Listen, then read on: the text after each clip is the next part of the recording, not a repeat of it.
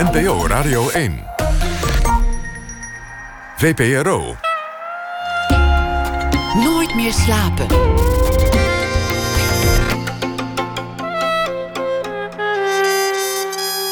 Met Pieter van der Wielen. Goedenacht en welkom bij Nooit meer slapen. Als er nou net één countryzanger nooit vergeten had moeten worden, dan was het toch wel Johnny Paycheck. U heeft vast nooit van hem gehoord. De man van grote hits als I Was the Only Hell My Mommy Ever Raised en I Can't Stop Drinking. De grensschrijver uh, Christophe Vekeman die schreef een boek over de man die een leven lang laveerde tussen kroeg en gevangenis. Mijn eigen land, zo noemde Harry Mulisch zijn werkkamer waar hij zijn beroemde boeken schreef. We bezoeken de kamer zometeen met zijn biograaf Robert Ammerlaan. Maar we beginnen met Bram Vermeulen. Hij heeft een nieuwe televisieserie, een reisserie voor de VPRO. De Trek is daarvan de titel. Tegen de richting in reist hij in het voetspoor van de menigte migranten. Hij zoekt naar de verhalen van mensen die je zelden aan het woord hoort, maar over wie het steeds gaat. De mensensmokkelaars, de drenkelingen en de pathologen die de aangespoelde lichamen moeten identificeren.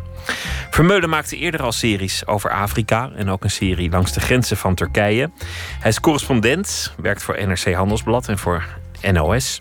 Hij is eh, geboren in 1974 in het land van Maas en Waal. Studeerde journalistiek in Tilburg en internationale betrekkingen erachteraan.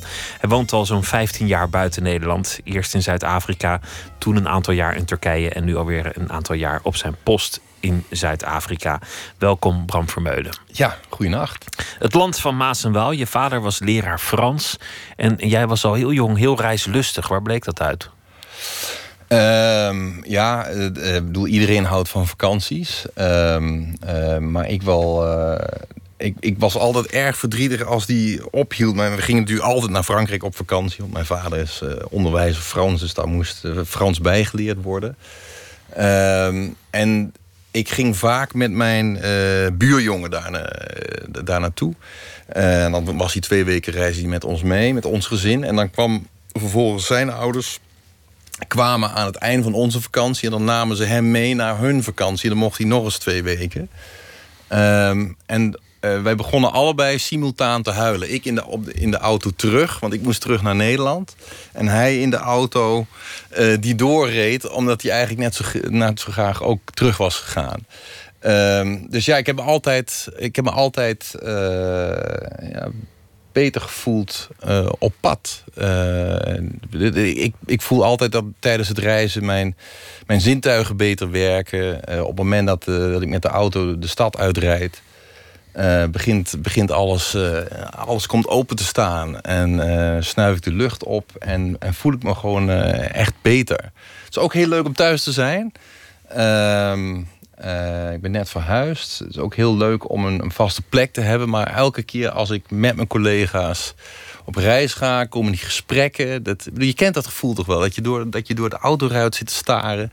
En dat ineens al die gedachten komen waar je normaal geen tijd voor hebt. En ineens dat je terug gaat denken aan uh, een paar jaar geleden. Of dat je de gesprekken voert waar je gewoon nooit aan toe komt. Dat, dat vind ik het allermooiste aan het weg zijn. Dat het, dat het je eigen hoofd openbreekt. Dat ineens bij jou de gedachten stromen, juist omdat er niks is dat je bindt. Misschien. Uh, natuurlijk bindt mij uh, heel veel. Uh, maar, maar het naar plekken gaan waar ik nog niet eerder was, waar ik de mensen nog niet begrijp. Uh, dat had ik tijdens deze serie ook weer. Dat we op plekken kwamen waar de kans dat ik een Nederlander het zou tegenkomen met een broek en afritsbare pijpen nihil was. Uh, dat voelt gewoon lekker. Uh, weet je, dat, je bedoelt, het, het, ja, het, maar, ik word er echt gelukkig van als dat, als dat gebeurt. Als je om je heen kijkt en het, ruikt goed. Ehm, de eerste aflevering bijvoorbeeld, die speelt in stad Agadez. Een stad die helemaal is gebouwd van, uh, van, van zandstenen.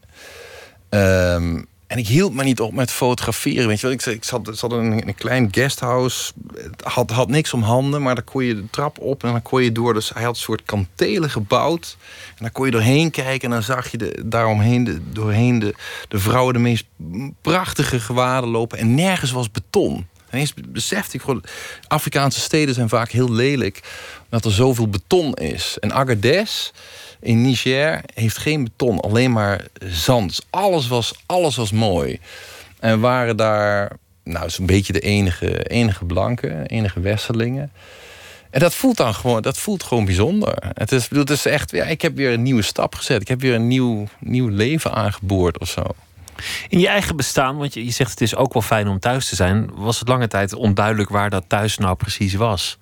Je, je pendelde heen en weer tussen Nederland, Ja, waar je werkgever woonde, Turkije, wat Ja. je standplaats was en waar je, waar je huis had, en Zuid-Afrika, Ja. waar, waar je je kind woonde met, met je ex. Ja.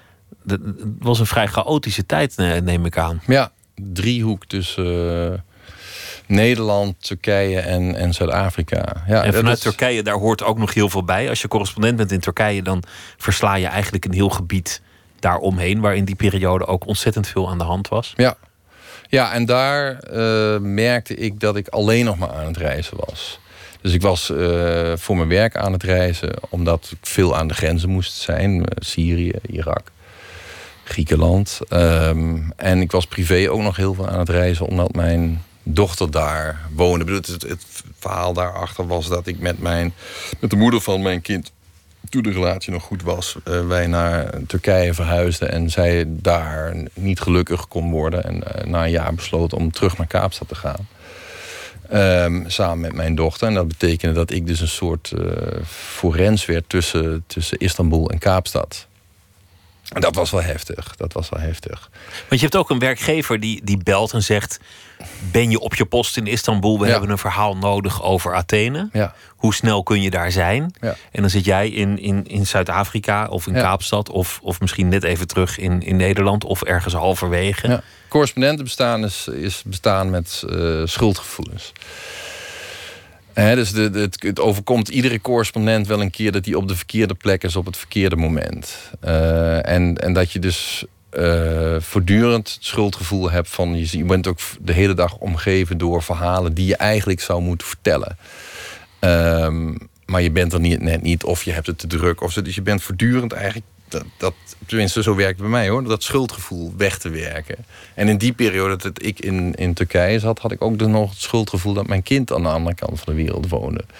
En dat begon me op een gegeven moment echt op te breken. Daarom ben ik ook teruggekeerd naar, naar Kaapstad. En dat is nu ehm, veel rustiger geworden voor mij. Het is veel. Ik, ik, ik ben nu even in Nederland. En eh, dat vinden wij allebei niet zo leuk. Dus mijn dochter protesteert dan van: ga je nu weer weg? Maar ik kom hierna een week kom ik weer terug. En dus ik, dat, is mijn, dat is mijn. Dus dat voelt in alle opzichten veel, veel beter dan, dan toen eh, Istanbul. Met Zuid-Afrika heb je mede natuurlijk, ja, eigenlijk vooral door je, door je kind, veel meer binding dan de meeste correspondenten met hun land. Ja. Het, het is een rare band, want je, je, je moet heel erg diep je onderdompelen in een land, maar je bent er uiteindelijk maar voor de toegewezen periode van vijf jaar, Ja. normaal gesproken. Maar jij hebt wel een, een heel stevige voet in, in dat land gezet. Ja. Gek genoeg al vanaf het eerste begin, want dat beschrijf je in, je- in, je, in je boek Help, ik ben een blanke geworden, dat je Hm. daar aankomt en, en dat er toch ook op de een of andere manier iets van thuiskomen was in Zuid-Afrika. Kun, je omschrijven wat dat was? Ja, het gaat toch weer over geuren, denk ik. Ehm, eh, dat moment wat jij beschrijft, dat kan ik me het best herinneren toen ik eh, samen met eh, mijn studiegenoot, ik studeerde nog aan de school journalistiek in Tilburg, was 96. En we waren daar eh, onze afstudeerproductie aan het maken. Ik en Arjen van der Horst, die tegenwoordig correspondent is in Washington. Eh, zo, zo leer je de reiziger wel kennen, hè, die afstudeerprojecten. En wij gingen samen met de, eh, een man waar, waar we een, een kamer huurden. Een, een Nederlandse familie was dat. En die man die moest op een gegeven moment ergens een vrachtje gaan afleveren... bij de grens van Botswana.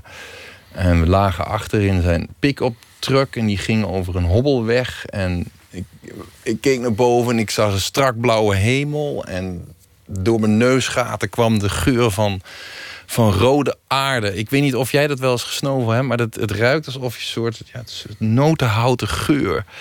Die ruik je ook als je 's ochtends ro- om zes uur opstaat, bijvoorbeeld in Johannesburg, in een drukke stad als Johannesburg, dan ruik je het ook. Het is, soort, het is bedwelmend. Eh, je ruikt het onmiddellijk in de bush. Je ruikt vooral als het gaat regenen. Het, het, het is zo herkenbaar.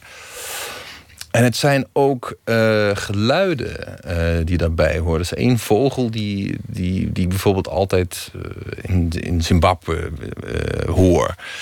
Fruit, fruit, fruit. En als ik dat hoor, s ochtends bij het... Dat, dat, ja, dat, is zo, dat hoort, zo bij die, hoort zo bij die plek. Maar Eh, Zuid-Afrika is in ieder opzicht volgens mij overweldigend. Overweldigend de, de, het licht, de warmte, de geur, maar ook het, het omslaan van het weer, het, het Ja. onweer, de, de sterrenhemel, maar ook de mensen, de cultuur, de muziek, de energie, de politiek. ja.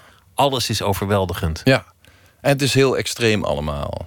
Hè, dus eh, ehm, eh, het wonen in Zuid-Afrika ehm, is. Het is, wonen in Zuid-Afrika berei- bereid je eh, op een. geef je een soort snelkookcursus. eh, om Europa en Nederland te begrijpen. Dat klinkt misschien heel raar, maar wat Nederland nu overkomt. Ehm, laten we zeggen, het debat over Zwarte Piet, het omgaan met migratie, alle angsten die nu allemaal naar boven komen borrelen. Die, ja, die, die, die, die kun je voelen als je één dag in Zuid-Afrika bent. Want daar zit het allemaal op elkaar, derde en eerste wereld. En, hè, dus de, de, de hekken die wij in Spanje hebben gebouwd en in Griekenland, dat zijn gewoon die hoge muren in, in Johannesburg. En eigenlijk de, de, de worsteling van de blanke Zuid-Afrikaan om daarin overeind te, te blijven van de afgelopen eeuwen, eh, die, die, die gol- golft nu ook over Nederland heen. En dat, dat vind ik heel interessant. Ik heb een boek geschreven over het, het, dat ik wit ben geworden. Ik heb het in de tijd blank geworden. Ik zou het nu eh, hij zou het boek hebben gegeten. Help, ik ben wit geworden. Ja, want die woorden veranderen ook Want die steeds. woorden veranderen steeds. Maar En voor je het weet heb je iets heel verkeerds gezegd. Precies, precies. Dus, maar dit- dat gaat over, over het besef eh, dat ik een witte ben. En daar kwam ik in Zuid-Afrika pas achter. Want omdat ik in Nederland woonde en opgroeide als onderdeel van een meerderheid... word je er eigenlijk nauwelijks mee geconfronteerd wat dat eigenlijk is, die huidskleur. Je Nou, verzette je er ook tegen, want je wilde aanvankelijk gaan wonen in een, in een zwarte omgeving. Je had, je had geen zin om, om een van de blanken te worden in de blanke buurt toen je daar aankwam. Nee, ik wilde, ik wilde eh, Afrikaan worden. Ik had ook een, een voorbeeld gesteld. Eh, mijn collega in eh, Nairobi, Koert Lindeyer... Die, zijn eerste boek heet Een kraal in Nairobi... waarin hij beschrijft dat hij met de Samburu eh, leeft eh, en werkt... en eh, perfect Swahili spreekt. En ik kwam bij hem thuis en het hele huis liep vol met die Samburu... En, eh, het is- was echt. hij- En hij, hij was toevallig wit. Maar hij zei: nou, Ik ben eigenlijk gewoon. Ze, ze zien mij gewoon als een witte Afrikaan. Ik dacht, nou, dat wil ik ook. Weet je, dus dat gaan we dan ook even in, in, in Johannesburg uitvoeren. Maar dat En gaat daar niet zo makkelijk. dat gaat daar niet zo makkelijk. Want daar hebben we even 40 jaar apartheid achter ons liggen. En eh, ook nog eens 300 jaar eh, kolonialisme. Dus eh, ik merkte aan alles dat, het- dat het misging. Dus ik had een doel gesteld van... nou één, ik moet in een zwarte wijk gaan wonen. Zal ik dat verhaal vertellen waarom dat mislukte? Dus- Ja, Het, is een, het is een hilarisch verhaal. ja, nou ja, dus wij- ik als ging... het niet zo wrang was. Ja, ja, dus ik ging met mijn Zuid-Afrikaanse vriendin. Ik, nou, we gaan. eh, ik had, eh, een collega had een huis in aanbod in de wijk Joviel. En die kende ik nog van mijn studententijd. Daar gingen we vaak uit. Dat is in het hart van, van Johannesburg. Het was hip. Het was altijd een beetje op het rand van, van, van, van het criminele. Maar het, het, het, bedoel, het beweegde daar. Dat was de polslag van het land. Ik zeg, nou, dat wil ik je wel even laten zien. Dus toen reden we in, in mijn, mijn oude golfje naar Jovil toe. En toen stonden we voor een rood stoplicht. En eens kwam een hele meute van, van mensen kwam en stond voor onze, onze auto. En er werd voor onze auto werd, werd een man met een zweep afgetuigd... die kennelijk iets had gestolen. En de buurt ondernam actie, want de politie kwam natuurlijk niet. Dus een volksgericht voor, voor onze auto. En naast mij eh, begon iemand te gillen. Die zei, weg hier, weg hier, alsjeblieft, weg hier. Dus dat was doel 1, verschrompelde zo voor mijn ogen... nou, we gaan niet in deze wijk wonen. En ik, eh, trok mij terug in een wijk eh, die Melville heet. Een beetje bohemian, eh, academici, mensen van de SABC, studenten. Beetje zwart, maar toch echt ook wel erg blank. En mijn leven werd on- onmiddellijk heel erg wit.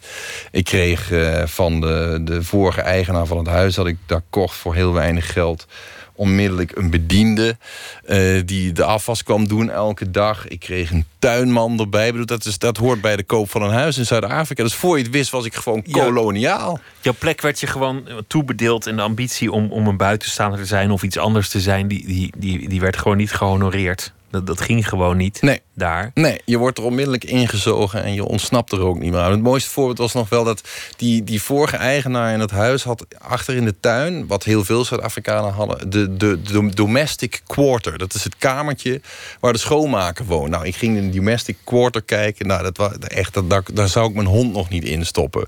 Geen licht, de douche deed het niet, het stonk er, het was er muf. Dus ik heb daar een heel groot slang, uh, uh, slot opgehangen en uh, gezegd... hier komt niemand te wonen, die onzin is afgelopen. Hè, deze koloniale onzin. Nou, het nieuws dat er achterin mijn tuin een, een, een, een hokje stond waar niemand in woonde, verspreidde zich als een veenbrand door mijn wijk. En onmiddellijk stond er de volgende dag iemand voor de deur aanbellen. En zei: Goh, ik hoor dat die ruimte in, achter in uw tuin uh, leeg is. Mag ik daarin wonen? Nee, nee, nee, zei ik. Daar zou ik mijn hond nog niet in stoppen. Dit is alsjeblieft niet. Dat zou u echt niet willen. Die man die keek mij heel verbouwereerd aan en die vertrok weer. En de volgende dag stond er weer iemand en weer iemand. Totdat ik naar nummer vier maar gezegd heb dat er al iemand in zat. En toen, toen hield het bellen op. Met andere woorden, mijn keuze om daar niemand in te stoppen... betekende dat voor al deze andere mensen de keuze was... dat ze dan maar in een krottenwijk of waar dan ook moesten gaan wonen. Maar dan was het in elk geval mijn verantwoordelijkheid niet. Dus daar, daar je voelt. Dus ik met mijn progressieve, liberale idealen... dat ik daar niet aan mee wilde doen... betekent uiteindelijk toch voor iemand dat hij op iets anders was aangewezen dat minstens zo erg was. Dingen zijn daar zoals ze zijn en, en je verandert dat niet. Een land in transitie, al, al relatief lang, hoewel wat is lang op, op, de, op de wereldgeschiedenis natuurlijk, maar dat is spannend om, om erin te zijn. Je, je hmm. maakte even de vergelijking met, met Nederland. Ja. De, de, je noemde Zwarte Piet en een aantal andere uh, discussies. Is die vergelijking mensen die te snel naar hun wens een andere tijd in worden getrokken? Wat bedoel je? Nou, je zei wat, wat Zuid-Afrika meemaakt, dat, dat, dat heb ik nu meegemaakt. En daardoor kijk ik ook met een andere blik naar Nederland. En daardoor leer je ja. wat er in Nederland aan de hand is. Ja, nou ja, kijk, uh, uh, Nederland heeft natuurlijk lange, lange periode achter de rug waarbij ze de anti-apartheidsbeweging steunden en allerlei meningen hadden over witte Zuid-Afrikanen en hun racisme. En terecht lijkt mij uh, is er tegen apartheid hier heel hard uh, gestreden. Maar heel veel van de dingen die Nederland nu overkomt, de angsten waarmee wij migranten zien komen, die dat losmaakt, zijn, is, de, is de worsteling van blanke Zuid-Afrikanen om overeind te blijven in een samenleving die ze eigenlijk niet wenst of waar ze misschien toch niet thuis horen. Dat mag je niet, dat mag, moet je tegen een witte Zuid-Afrikaan niet zeggen. Maar ik denk dat bij witte Zuid-Afrikanen voortdurend het gevoel ergens borrelt van: oh jee, wat als de dag komt dat ze ons wegsturen. dus, de, dus dat stuur ik allemaal door Mandela en Tutu en is verzoend. En het is allemaal een, een fluwele revolutie gemaakt, zodat het allemaal goed ging. Maar elke dag zijn er voorbeelden. Zijn er dingen die gebeuren in Zuid-Afrika waaraan je voelt dat het misschien toch maar een verhaaltje was dat er is verteld. Dus, dus, dus, dus twee dagen geleden is het standbeeld van Paul Kruger de held uit de boerenoorlog, die nog steeds in, in het centrum van Pretoria staat, is in brand gezet door de economische vrijheidsstrijders van Julius Malema. Standbeeld verbranden. Nou, dat ging echt rillingen door de Afrikaanse gemeenschap heen. Weer, weer een bewijs dat misschien wel een aflopende zaak is. De angst dat je kleine habitat, dat, dat die ene plek die van jou is, dat die overspoeld wordt of, of jou afgenomen. En dat je zelf geen thuis meer hebt. Dat, je, dat je ontworteld bent. Ja, en dat ligt ook aan de basis van heel veel populisme in Nederland of in Amerika. Dat, dat, dat, dat is volgens mij een, uh, de vergelijkingen zijn heel makkelijk te maken. We gaan het hebben over de migratie, maar eerst gaan we luisteren naar uh, Miles Sanko, een uh, Britse zanger. Heeft een nieuw album en wij draaien het nummer Sunshine.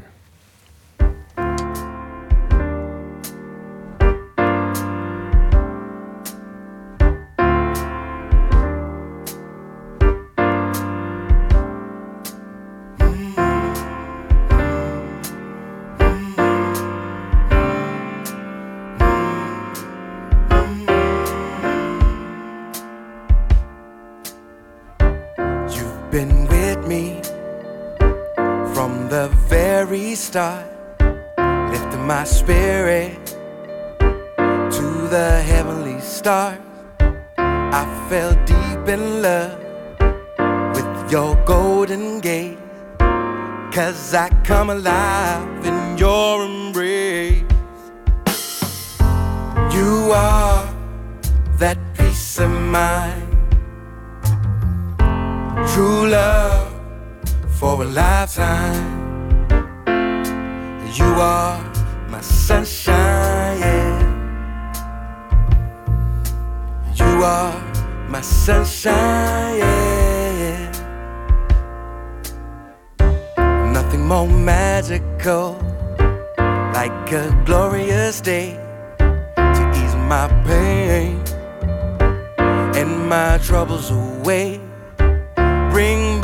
feeling of the child I used to be.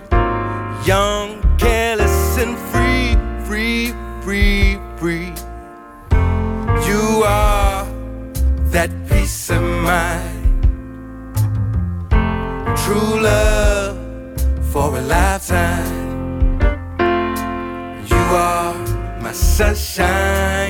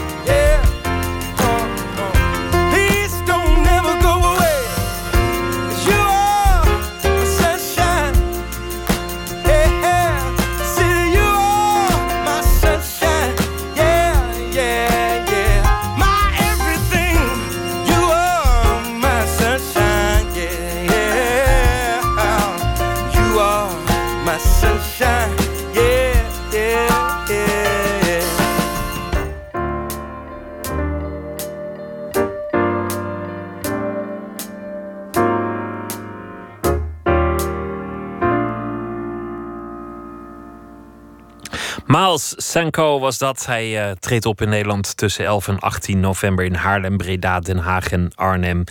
Nooit meer slapen in gesprek met Bram Vermeulen naar aanleiding van een nieuwe serie, De Trek, over eh, migratie. We hebben besproken hoe graag je zelf reist en hoe dat er vanaf jongs af aan al in zat. En hoe je het ook fijn vindt om als een soort buitenstaander ergens te zijn en eh, gewoon te kijken wat er aan de hand is. Dus reporter, journalist, verslaggever, correspondent is een perfect beroep voor jou, zou je zeggen. Toch ook gek dat we het erover hebben hoe fijn het is om te reizen. En, en dat we nu geconfronteerd zijn met, met die miljoenen mensen die ineens aan het reizen geslagen zijn. Ja, inderdaad, dat niet mogen. Dat zou ik al meteen bestrijden. Want ik denk dat eh, we wel ehm, ja, nu geloven dat dit het tijdperk van migreren is. Maar dat is natuurlijk helemaal niet waar. Ik bedoel, ik, ik woon in een stad die notabene is, ge- is ge- gesticht door een migrerende Nederlander uit Culemborg, eh, Jan van Riebeek. Dus ehm, het tijdperk van migreren is al lang geleden begonnen. Het, tij- het migreren Er is nooit is een tijdperk geweest dat er niet gemigreerd werd. Nee. Ik bedoel, we komen uiteindelijk allemaal van het continent waar ik nu woon.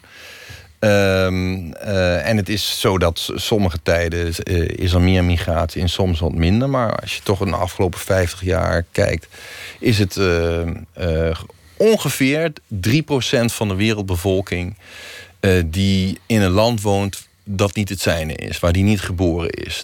3%, dat is, bedoel, het was, het was 2,5, ja, 2,7, we zitten nu op 3,3. Maar eh, het is vooral in absolute cijfers, eh 244 miljoen. ehm, waarin, waaruit blijkt dat het, dat is, daar is het meer geworden. Maar relatief zijn de thuisblijvers ver en ver in de meerderheid.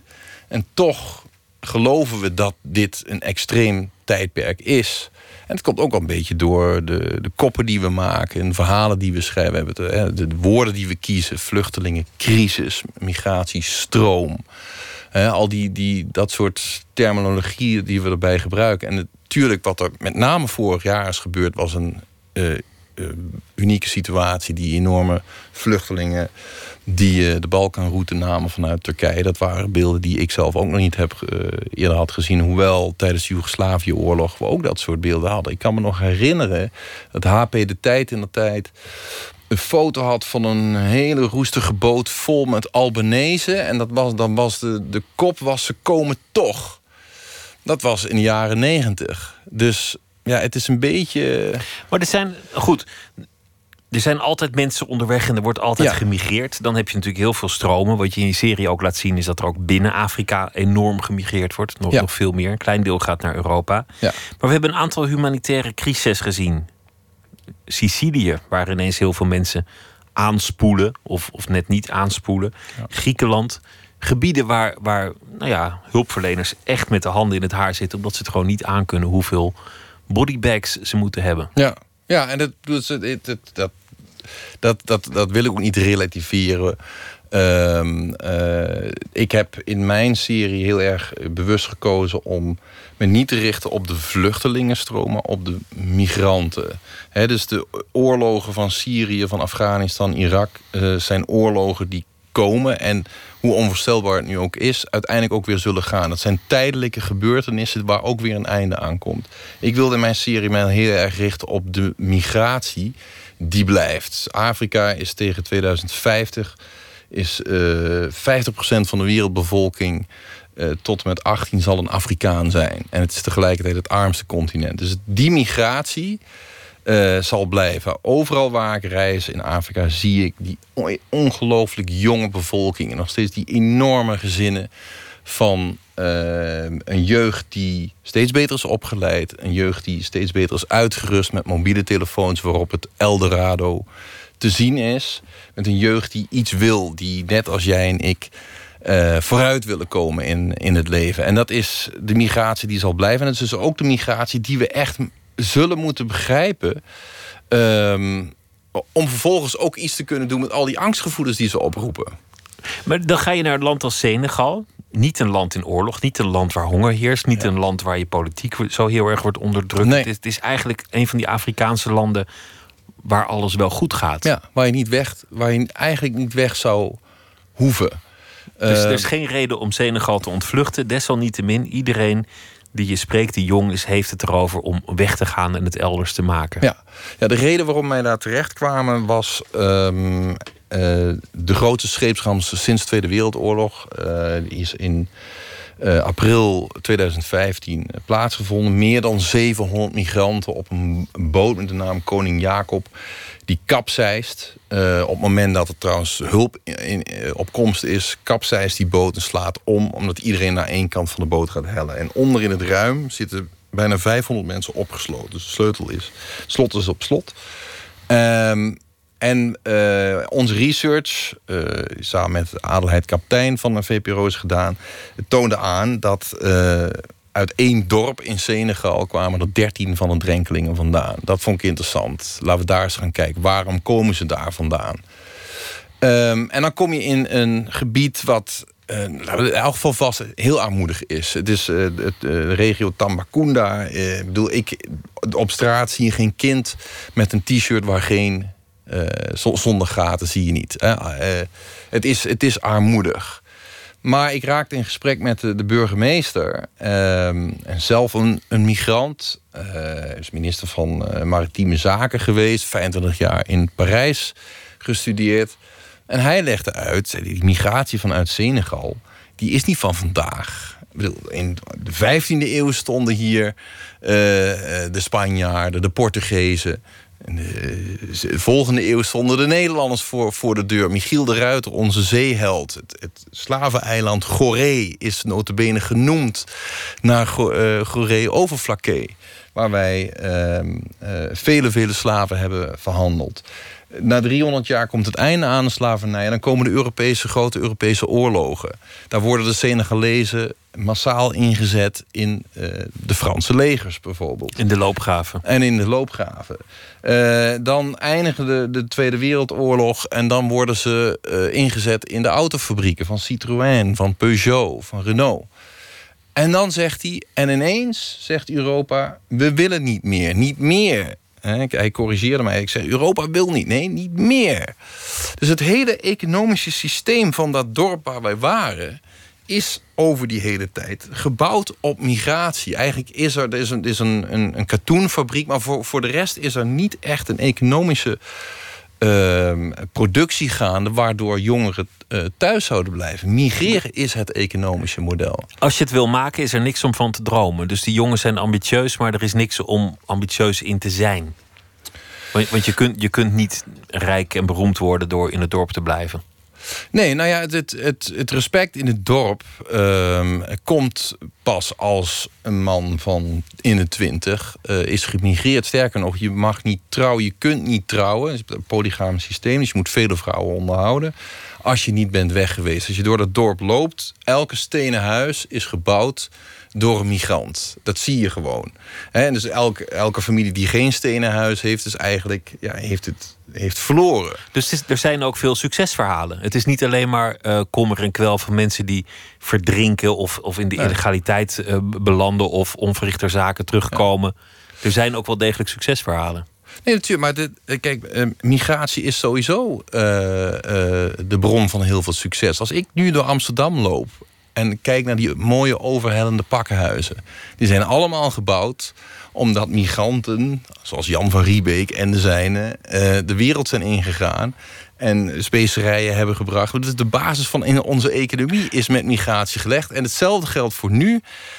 Eh, de migranten, Afrikaanse migranten, brengen inmiddels drie keer zoveel geld naar Afrika als alle ontwikkelingshulp van IMF en Wereldbank en wie dan ook bij elkaar. En rechtstreeks in de zakken van, van hun families. Het blijft niet aan de strijkstok hangen van. Toch van is het zo, als ik, als ik jou zie praten met mensensmokkelaars, met, met, met wie jij in gesprek gaat, dat ik denk, die arme jongens die worden erin geluisterd. Hen wordt iets, iets voorgeschoteld dat niet gaat uitkomen. Ze gaan in Europa mislukken als ze er al aankomen. Ja. Eigenlijk zouden ze behoed moeten worden voor die valse droom. Ja, maar het is. Kijk, wat, wat ik in, het, in dat dorp voelde, is dat het leven dat ze gaan leiden in Europa. één, ze weten heel goed dat dat niet mals is. We hebben op een gegeven moment een gesprek tussen. ehm, een- een oudere broer, die is al naar Europa gemigreerd, naar Spanje. En die vertelt aan zijn jongere broer dat het leven daar niet meevalt. En toch wil die jongere broer wil weg. Ook al- ondanks het feit dat hun andere broer inmiddels is verdronken. Dus hij kent de risico's. En hij weet ook dat het leven in Europa niet mooi zal zijn. Maar uiteindelijk gaat het niet zo heel erg over dat leven in Europa. Het gaat over wat je naar huis kunt brengen. Het gaat over het feit dat die oudere broer in staat is om dat huis te bouwen voor, voor zijn familie. Als het dat lukt, is wat telt. Als je slaagt met, met, met al die hindernissen, dan is de opbrengst zo groot. Dan kom je terug als een gevierd man, Ja. een rijk man. Dan Ja. heb je status en aanzien en vrouwen. Ja. En het wordt ook. Het, ik bedoel, het is een investering en aan, iedere investering zit een risico vast. In dit geval is het maximale risico is de verdrinkingsdood. De verdrinkingsdood is niet iets waar zij controle over hebben. Dat is in handen van grotere machten. Hè? Inshallah, als, als God het wil, als, dan, dan is dat zo besloten. Dus de, dat risico, net als met alle investeringen, zijn, zijn ze bereid eh, om te nemen. Maar inderdaad, op het moment dat ze, dat ze terugkeren en het wel gelukt is... Ehm, is, de, is, de beloning, is de beloning het waard? Als je ziet met z'n hoeveel op, op wat voor gammelbootjes ze stappen.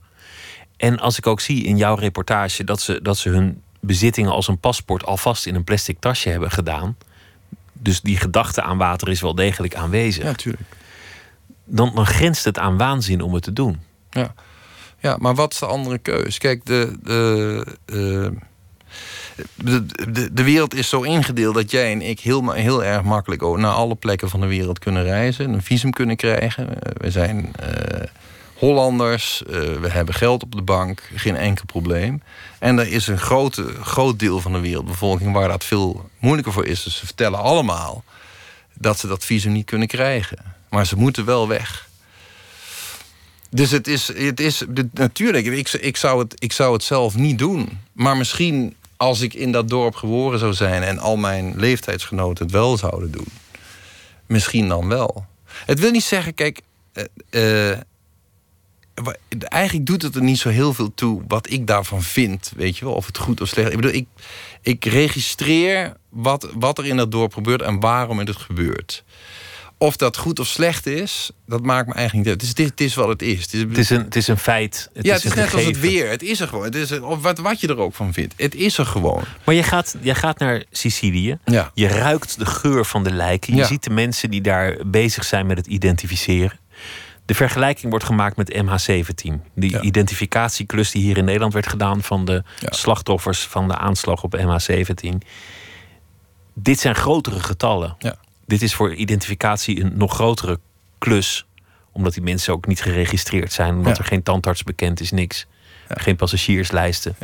Nou ja, het is de, wat, wat, wat je daar ziet. eh dus nu, nu dus voor het eerst dat de, de, de, de drenkelingen op die boot... zijn de, de eerste die en masse worden geïdentificeerd... door een, een patholoog en een heel team van pathologen... dat met hulp van de Italiaanse regering nu wordt geïdentificeerd. Die patholoog vertelt ons dat 60% van de migranten die verdrinkt... wordt nooit geïdentificeerd. Sterker nog, de Europese Unie geeft er geen cent aan uit. Dit is puur het initiatief van de Universiteit van Milaan en de Italiaanse regering om dit nu te gaan doen. En als je dat vergelijkt met wat Nederland allemaal heeft gedaan, bijvoorbeeld om de lijken van MH17 terug, terug te krijgen, de enorme druk die door, door de Nederlandse regering is uitgevoerd, om, om vervolgens ook het onderzoek te doen, om dat vliegtuig stukje voor stukje in elkaar te leggen. De nationale rouw, de live televisie die we daar aan gewijd hebben, als je dat vergelijkt met wat er elke dag op de Middellandse Zee gebeurt en hoe dat bijna achterloos gebeurt, dan ga je afvragen, maar wa- wat is, dan, wat is dan precies het verschil? En dan is dat dan niet gewoon gebaseerd ook op het idee dat niemand het wat uitmaakt. Dat ook de, de, de nabestaanden, de ouders van, van deze migranten het niet uitmaakt. Nou, als je in dat dorp komt, dan Jij voel je jij aan spreekt alles. die ouders, je, je spreekt eh, het nabestaanden van Ja. vermoedelijk verdronken jongens. En daar gebeurt iets interessants. Want jij praat met die vaders die gewoon willen weten: wat is er geworden van mijn zoon? Is die verdronken of is die nog ergens in Europa? Of is die weer terug in Afrika, maar in een ander land? Hij wil het gewoon weten. Ja. Jij knipt zijn nagels, je Ja. neemt die nagels mee, je vraagt om kenmerken, je vraagt om foto's. Het is een kleine moeite voor jou, want je gaat naar Sicilië. Ja. Je, je, je kan daar dat materiaal inleveren voor DNA en voor die vergelijking. Maar daar, daar verlaat je eigenlijk het pad van, van de verslaggever. van je, de bent, journalist. je bent niet meer strikt een verslaggever. Ja, ja, ik ben nu onderdeel geworden van, van het verhaal. Ik begrijp het heel goed, omdat het een kleine moeite is. En waarom zou je het niet doen als je iemand helpt? Ja. Ik laat ook eerlijk zien. Nou, kijk, de, de, de, de reden zijn, is, er zijn een paar redenen voor. Eh, ten eerste eh, blijkt zo te zijn, die pathologen die daar onderzoek in do- doen zijn, Cecilie, naar wie die mensen nou toch zijn op die boot, die komen nooit in de landen waar die mensen vandaan komen. Sterker nog, die patholoog breekt enorm, had heel veel, die vroeg mij de, de kleren van het lijf toen wij daar aankwamen. Maar waarom vertrekken ze dan? En ze moeten toch wel heel erg wanhopig zijn als je op die boot stapt. Toen begon ik het verhaal te vertellen wat ik jou net vertelde. Dat eigenlijk ook een economisch model is wat er omheen gebeurt. Dus daar wilden ze niets van horen. En Ik merkte ook dat die vrouw eh, zo'n soort verhaal niet wilde horen... omdat ze de hele dag met die, met die lijken bezig was. Maar ze wilde ook heel graag weten hoe het daar in het dorp is. En wij waren daar net, net geweest. Dus dan, dan kun je natuurlijk gewoon als verslaggever komen om een interview te doen. Dat interview eh, is aan de meeste journalisten niet gegeven. Maar wij hebben dus gezegd, nou wij gaan toch naar het dorp. Dus wij kunnen best DNA meebrengen. Die vrouw wil weten wie die lijken zijn die Ja. zij elke dag op de tafel Ja, vindt. en op het moment dat wij uit het dorp nagels, haren, beschrijvingen meenemen, wordt het werk voor hun net ietsje makkelijker. En dat is ook voor de families in dat dorp natuurlijk Maar van nut. Is Eh, het zo dat je, dat je meer moeite hebt geleidelijk aan met die rol van verslaggever? Met, met, want je zegt, ik registreer alleen maar, ik, ik ben een buitenstaander. Ja. Ik zeg alleen maar hoe het is zoals het weer is. Als een weerman die zegt, vandaag regent het. Ja. Of heb, je- heb je daar nu moeite mee? Nou, ik denk dat, dat deze documentaire iets anders is dan dat ik eh, een reportage zou maken voor Nieuwsuur. Dan zou ik dit, dit soort dingen nooit in noemen. Dus de, de serie is, de reisseries bij de VPRO zijn wat, wat persoonlijker van aard. eh, als je daarnaar kijkt. Dus Ehm, ik, ik snap wat je bedoelt. En tegelijkertijd denk ik ook... het is een kleine moeite om Nee, dit voor die, men, voor die Ik vind, het mensen een, te ik vind het een begrijpelijke keuze. En het gaat maar niet zozeer om de morele zin van mag je dit doen als journalist. Nee, het, het gaat mij meer om, om als een soort beroepskeuzetest, als, als vraag aan jouzelf. Je bent al zoveel jaar verslaggever. Je komt op plekken waar alles aan de hand is. Je vliegt er weer weg. Ja. Je hebt het aan de wereld verteld wat goed en nuttig is. Ja. Ja. Maar, maar ik meen een soort onvrede te bespeuren met, met strikt die passieve rol. Ja, soms denk ik, eh, als ik in situaties kom ehm, waar, waar echt heel veel mis is, dan denk ik wel eens, wat, wat is dat vak van mij nou eigenlijk precies?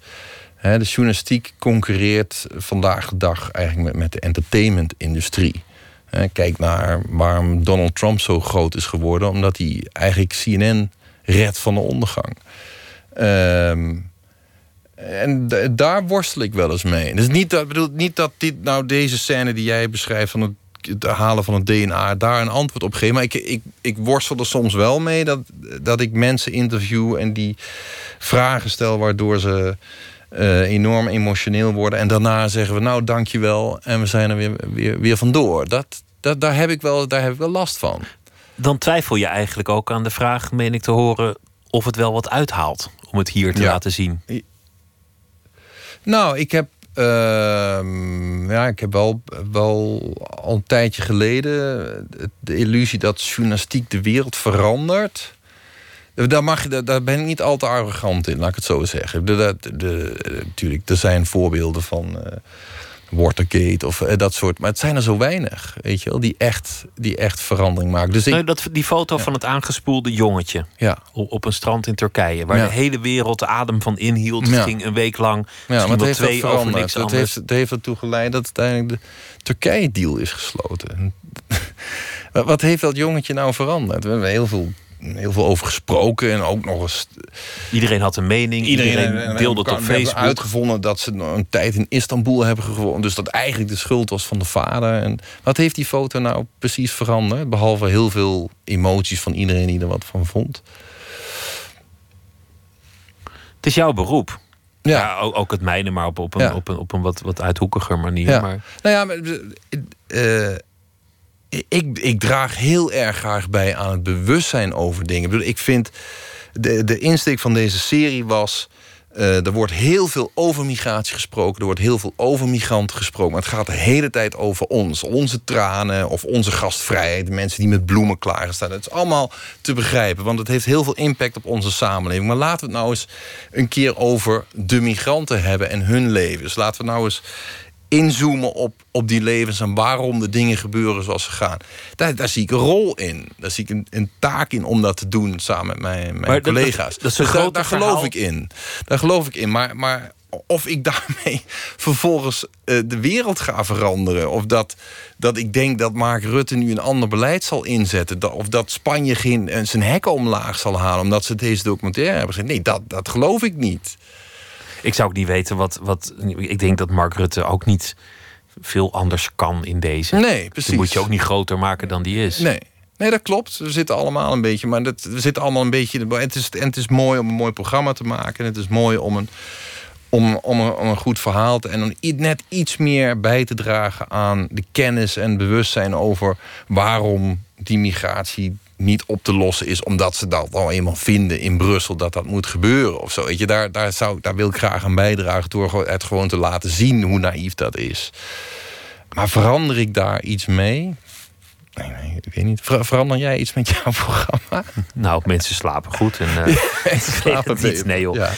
Nou, maar het, het is wel in jouw werk meer je richting geworden. Dat, dat, je, Denk je dat, dat? je weg bent gegaan van, van het, het correspondentschap van dit is gebeurd en onze man in, in Ja. Istanbul of onze man in eh, Johannesburg die vertelt wat er aan de hand is. Ja. Volgens mij heeft meer je voorkeur de, de, de langzame verhalen, de achtergrond. Ja. Nou, ik, ik, ik kwam. eh, ik raakte deze zomer verzeild in een staatsschip in Turkije. eh, Bij toeval, omdat ik daar op vakantie was. En dan is het bedoel, zo'n soort verhaal, eh, breaking news, de hele dag live een verhaal vertellen. Dat zich ook nog heel snel ontwikkelt. Dat, Daar kreeg enorm veel kick van. En, en ook van twee minuten stukken maken voor, voor het journaal. Maar ook uiteindelijk de mogelijkheid krijgen om er wat langers mee te doen. Eh, en dan ook nog eens over dit thema. Want ik ben er al best lang mee bezig. Grenzen, migreren. Ik heb in Turkije ook al een, een, een serie gemaakt over langs de grenzen van Turkije. Waar je ook de, de stromen uit Syrië zag komen en Griekenland. En um, dat, bedoel, dat migreren, dat, dat, het, het fascineert mij en ik wil daar nog steeds meer over weten. Uh, en dan is het heel prettig dat je daar uh, in dit geval vier keer een uur voor krijgt. Dat, ja, dat, daarin, dat, dat verrijkt me wel. Ja. Volgens mij is, is het nut van zo'n serie uh, dat je het ziet. Het gaat altijd maar over de migranten, over de mensensmokkelaars, over de drenkelingen. Er wordt maar over mensen gepraat en nu zie je hoe het is. Ja. ja. Meer, meer is het denk ik niet. Ja. Nou ja, je ziet bijvoorbeeld bij, bij, bij de, de, eerste aflevering, De Smokkelaar, uh, leren we twee smokkelaars kennen. Uh, die ons echt alles laten zien. Ik bedoel, het is echt een week uit hun leven wat we meemaken. En we komen erachter dat het gewoon smokkelen is gewoon volgens een vaste dienstregeling gaat. Hè. Dus, uh, maar het zijn ook hosselaars. Als ze niet in, in mensen zouden doen, dan zouden ze in pannen doen. En als ze niet in pannen zouden doen, dan zouden het tweedehands genootjes zijn. Nou, sterker nog, in Agadez heb je een soort hiërarchie van de smokkelaars. De laagste soort is de mensensmokkelaar. De echt grote jongens zijn de drugsmokkelaars en de wapensmokkelaars. Want het ligt uh, aan de grens met Libië. Dus uh, er stond in het centrum van. Het is allemaal hosselen. Ja, het stond een heel grote villa gebouwd. En de, die, die man die kende ook iedereen. Dat was de, de, de, de Capo di Capi. Dat was, de, dat was de, de, de drugshandelaar. Maar die hele stad bestaat gewoon van smokkel. Uh, of wat wij dan smokkel noemen, uh, illegale waren. Ook dat doen ze al eeuwen. Vroeger uh, vervoerden ze slaven en nu tegenwoordig zijn het, zijn migranten. Maar je komt dus in die, die. Ze staan ons dus toe om gewoon met hem mee te gaan. Dus we hebben twee figuren gevonden. Eén jonge jongen. Uh, wat ik ook niet wist, gewoon schoolgaande jeugdsmokkelaars. Jongen die gewoon nog eens een biologie-examen zit te maken... en vervolgens halverwege moet vertrekken... want er zijn thuis 40 migranten aan het wachten op hun, op hun volgende reis. En die ook vertelt, als ik hem vraag van... nou, wat, uh, wat gebeurt er nou als er een van die jongens... die vervoerd van de auto valt? Ja, dan, dan is hij dood, hè? Maar, maar stop je dan niet? Nee, want als ik stop, dan zakt de wagen in het zand... en dan gaan we allemaal dood. Dus daar kunnen we niet aan beginnen. En dan, hè, dus heel stoer doen eigenlijk. En uiteindelijk neemt hij ons mee naar zijn vader en zijn moeder. Zijn vader heeft 21 kinderen. En dan ineens besef ik, oh, het is ook gewoon een kind, weet je wel. Het is ook... Ook dus een jonge man die... Is, ja, dus, eh, de, dus dat, dat vind ik interessant. Want er wordt natuurlijk heel, heel veel over mensensmokkelaars gezegd. En, en je hoort in het Europees parlement dat de veroorzakers zelfs van, van Mafia. migratie. Bedoel, ook een idiote gedachte. Ik bedoel, zij, zij vullen een gat in de markt. Ze, ze zien zichzelf als het reisbureau van de Sahara. ik bel u en, ik ben, en, en, en u belt mij en ik breng u naar de andere kant van, van, van de woestijn. Niet veroorzakers, ze voorzien in een behoefte. En nu leren ze een beetje kennen. En uh, de andere man, die wat ouder was, eh, ook twee kinderen en een vrouw thuis, wat rustiger. Ja, die, ja, ik dacht, nou, als ik dan toch bij iemand op de auto moest stappen, dan zou ik het geloof ik wel bij hem doen. Ook al de manier waarop hij zijn auto inpakt met 25 migranten die letterlijk op mekaars knieën zitten drie dagen lang. Met heel veel water en heel veel bagage. Ja, en, je denkt, allemaal nou, goed vasthouden in, in die barre hete tocht. Ja. Je, je bent nu in Nederland, je bent regelmatig in Nederland, maar al met al al 15 jaar weg. Ja. En nu, nu heb je een serie gemaakt voor de Nederlandse markt, waar je, waar je misschien toch wel iets wat van vervreemd bent. Denk je dat? Zou kunnen. Ja. nou ja, je bent er lang weg, dus neem aan dat, dat, je niet, dat moet wel. Dat je niet elke ochtend in, in je koffietentje de Telegraaf speelt. Nee, maar uh, zoals migranten uh, hier in Nederland hebben... heb ik ook een, uh, een satellietschotel op mijn dak staan. En, en je belt elke dag met Hilversum, dus, ja, dus ja. dat, dat het komt, komt allemaal wel, tot mij. Ja, ja, Maar je kijkt toch als een buitenstaander naar Nederland. Dat, dat zei je net ook al. Als je vanuit Zuid-Afrika naar Nederland kijkt... dan heb je veel begrip en herkenning. Ja. En je komt nu hier met een serie over migratie en dan merk je dat het een, een gevoelig onderwerp is. Een gepolariseerd onderwerp. Ja. Dan word je geïnterviewd en dan, dan, dan vraagt een verslaggever... Sta je aan de kant van de migranten? Nee, nee, nee. De, ja, de Telegraaf interviewde mij en zei... je staat aan de kant van de migranten, hè? En toen dacht ik, ja, de, maar is, er, is er dan een kant van de migranten? Ten eerste, is migranten, is dat een volk? Volgens mij zit, Wij tegen de migranten. ja, wij tegen de migranten, terwijl het, het zit ook ja, in, in, in ons allen. Eh, maar dat is wel inderdaad, dat is, dat is al veranderd in het land sinds ik weg ben. Dus ik ging weg in 2001 en toen kwam Pim Fortuyn, dat soort dingen. Dus die dingen zijn wel, die zijn wel echt, echt veranderd in dat opzicht. Dat, eh, Nou ja, heel veel gaat nu over discriminatie. Je noemde zelf eh, Zwarte Piet versus, uh, Ja. versus Roet Piet versus Stroopwafelpiet. En, en eh, ga zo maar door. Het afschaffen van het begrip allochtoon was, was deze week Ja. Dat lijkt allemaal heel erg op, op wat je in Zuid-Afrika hebt meegemaakt... Met, met allerlei gevoeligheden... waar mensen maar een beetje onwennig omheen proberen te laveren. Ja, het is ook het is een beetje volwassen worden. Kijk, eh, ehm, eh, ook in een serie zie je weer... de- wij zijn niet de enigen die met deze problemen worstelen. Er is geen land in de wereld dat alleen maar inwoners heeft... Van, van die al daar geboren zijn. Geen land in de wereld. Eh, migratie eh, meandert over, over Afrika heen. Eh, meer dan 75% van de migratie, misschien zelfs meer, blijft binnen het continent zelf. Dus mensen reizen van platteland naar de grote stad. Mensen reizen naar buurlanden. Mensen reizen niet alleen in Europa, maar bijvoorbeeld ook naar Zuid-Afrika of, of naar Nigeria. Dus ook Afrikaanse landen zijn zelf enorm aan het worstelen met migratie. Hè. We hebben één aflevering gemaakt over de xenofoob, een Zuid-Afrikaan die een Mozambicaan De Zulu, neersteekt. de Zulu-koning die, die oproept Ja. eh, om, om tegen de migratie in het geweer te komen. Ja, migranten moeten hun koffers pakken, moeten vertrekken. Ze zijn eh, luizen. eh, ze, ze maken onze straten vies. Precies dezelfde sentimenten die we in Amerika kunnen horen, die we in Europa kunnen, kunnen horen, in Frankrijk, hier in Nederland.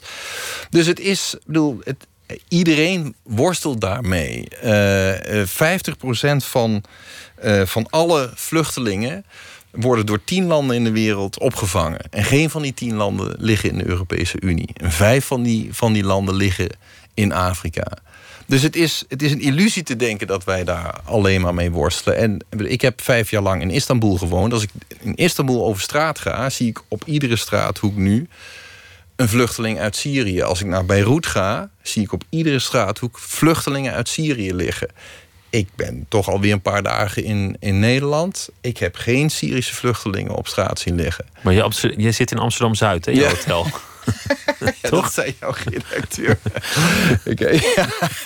Nee, nee, maar waar, waar zie jij Syrische vluchtelingen in Nederland op straat liggen dan? Nee, nou, de, ja, soms zie je, een, zie je ergens een, is, is er iets gaande met een, met een kerk of iets. Maar het is Ja. niet zoals in Parijs nu Nee. grote tentenkampen of, of ja, eh, ja, ja. straten die echt, echt worden afgezet om, om ruimte te geven Ja. aan vluchtelingen. Ja, terwijl er dus heel veel landen zijn in de regio die dat al wel hebben. Dus eh, natuurlijk, ik, ik, ik- de, de, ik, ik snap de angsten en de bezorgdheid. En, en ik bedoel, Amsterdam is al 50% niet wit. En dat roept allerlei emoties op. Dat, dat snap ik allemaal. Dat wil ik absoluut niet bagatelliseren. Maar la- laten we gewoon niet, niet geloven dat we daarin de enige zijn. Maar goed, migratie is, zoals jij het zegt, een, een, een, er altijd geweest en zal er ook altijd zijn. En is iets dat je, dat je misschien niet kunt stuiten of waar je niet de illusie Maar moet migranten gaan ook weer weg. Eh, De, de, in Senegal worden ze de pigeon voyageur genoemd. De postduiven. Ze komen en ze gaan. Als je naar de cijfers van het CBS kijkt... gewoon, gewoon statistieken, laat, laat zien dat de instroom in Nederland...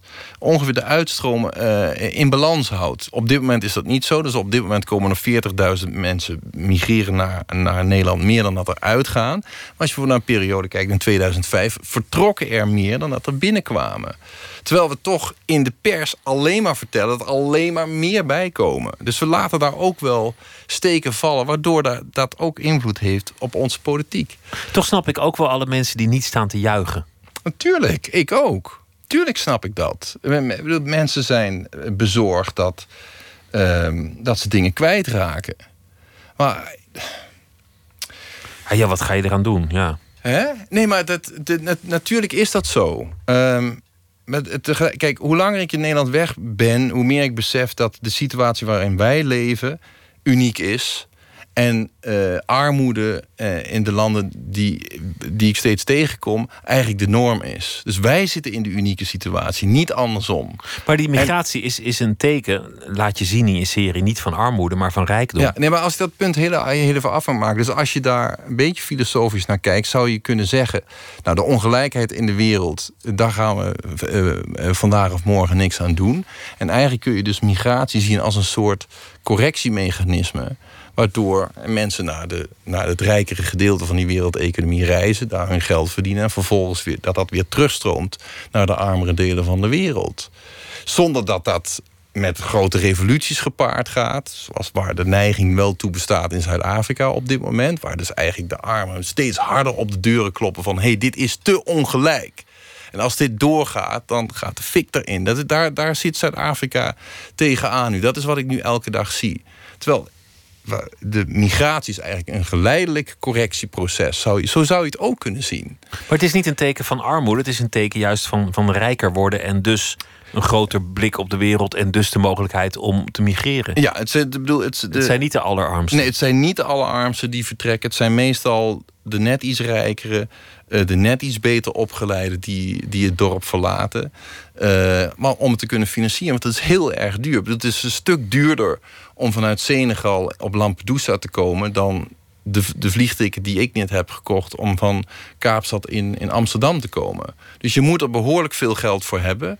Um, uh, en uh, daarom is het ook zo raar om te horen dat de Europese Unie nu geld gaat geven aan vijf Afrikaanse landen om de migratie te stoppen. Dat wordt dan in ontwikkelingshulpprojecten gestopt, terwijl er onderzoeken zijn die aantonen dat ontwikkelingshulp migratie juist aanjaagt. Dus op het moment dat er meer geld is, is de neiging te vertrekken juist groter. Dus als je geld geeft, dan, dan krijg je alleen maar meer migratie. Dus, dus zo'n project zal ja. vermoedelijk averechts werken. Ja, ja dus de, de, de, de groei die we hebben gezien in Afrika in de afgelopen vijf jaar is nu weer ingezakt. Ging ook gepaard met een enorme uittocht. Dus het is niet per se zo dat als er meer geld is, dat mensen dan geneigd zijn thuis te blijven. Een fascinerend onderwerp en ook een, uh, een fascinerende serie, De Trek. Bram Vermeulen, dank je wel. Leuk dat je te gast was. Veel succes met je werk en leven in Zuid-Afrika. Zometeen eh, gaan we verder. We gaan het hebben over Johnny Paycheck. Want Christophe Fekeman komt langs. Harry Mulisch, want we gaan naar zijn kamer met biograaf Robert Ammerlaan. En F. Starik heeft een verhaal geschreven bij de voorbije dag. En dat zal hij zometeen na ene voordragen. Twitter, het VPRO NMS. We zitten op Facebook en u kunt zich abonneren op de podcast via iTunes of de website van de VPRO. vpro.nl slash nooit meer slapen.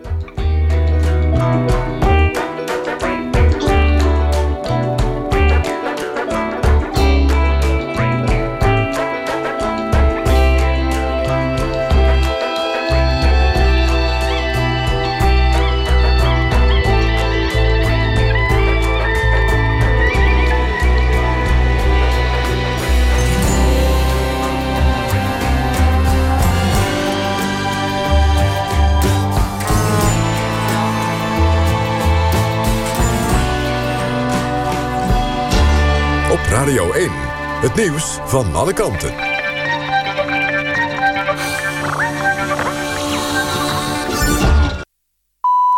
1 uur, Michel Koenen met het NOS-journaal. België is te ver gegaan bij het nemen van antiterreurmaatregelen... na de aanslagen in Brussel en Parijs. Dat stelt Human Rights Watch. De politie zou bij arrestaties buitensporig geweld hebben gebruikt... Mensen kregen klappen en agenten zouden beledigende opmerkingen hebben geroepen, zoals vuile Arabier. Ook noemt Human Rights Watch de langdurige inzet van het leger om de politie te ondersteunen onwenselijk en bedreigen nieuwe terreurwetten de mensenrechten.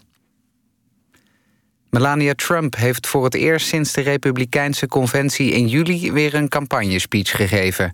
De vrouw van Donald Trump sprak over haar rol als moeder en hoe belangrijk Amerika voor haar was als immigrant uit Slovenië. Verder zei Melania dat ze zich als First Lady wil inzetten tegen cyberpesten. Ze noemde de Amerikaanse cultuur te gemeen en te ruw. De KNVB laat fans meepraten over vernieuwingen van de competities in het betaald voetbal. In een enquête op internet mogen de fans zich uitspreken over het aantal clubs in de eredivisie play-offs voor de strijd om het kampioenschap... en de ideale maand om de competitie te beginnen. In mei worden de plannen door de KNVB besproken. En Ajax heeft zich geplaatst voor de volgende ronde van de Europa League. De Amsterdammers wonnen met 3-2 van Celta de Vigo... en worden daarmee minimaal tweede in de pool. Eerder op de avond speelde Feyenoord in Oekraïne met 1-1 gelijk tegen Zorya Luhansk... en werd Maccabi Tel Aviv AZ 0-0. Ook Feyenoord en AZ maken beide nog kans op de volgende ronde. Het weer. Lokaal kan wat regen vallen en het koelt af tot een graad of 6. Overdag bewolkt, met vooral in het westen wat regen. Tegen de avond gaat het overal regenen. Het wordt zo'n 10 graden. Tot zover het NOS-journaal. ANWB Verkeersinformatie. Twee files. A2 Amsterdam richting Utrecht. Daar staat tussen Vinkenveen en Maarsen 5 kilometer vanwege wegwerkzaamheden. Drie rijstroken zijn daar dicht. En op de A27 Utrecht richting Breda staat tussen Noorderloos en industrieterrein Avelingen 2 kilometer. Dit was de verkeersinformatie. NPO Radio 1. VPRO. Nooit meer slapen.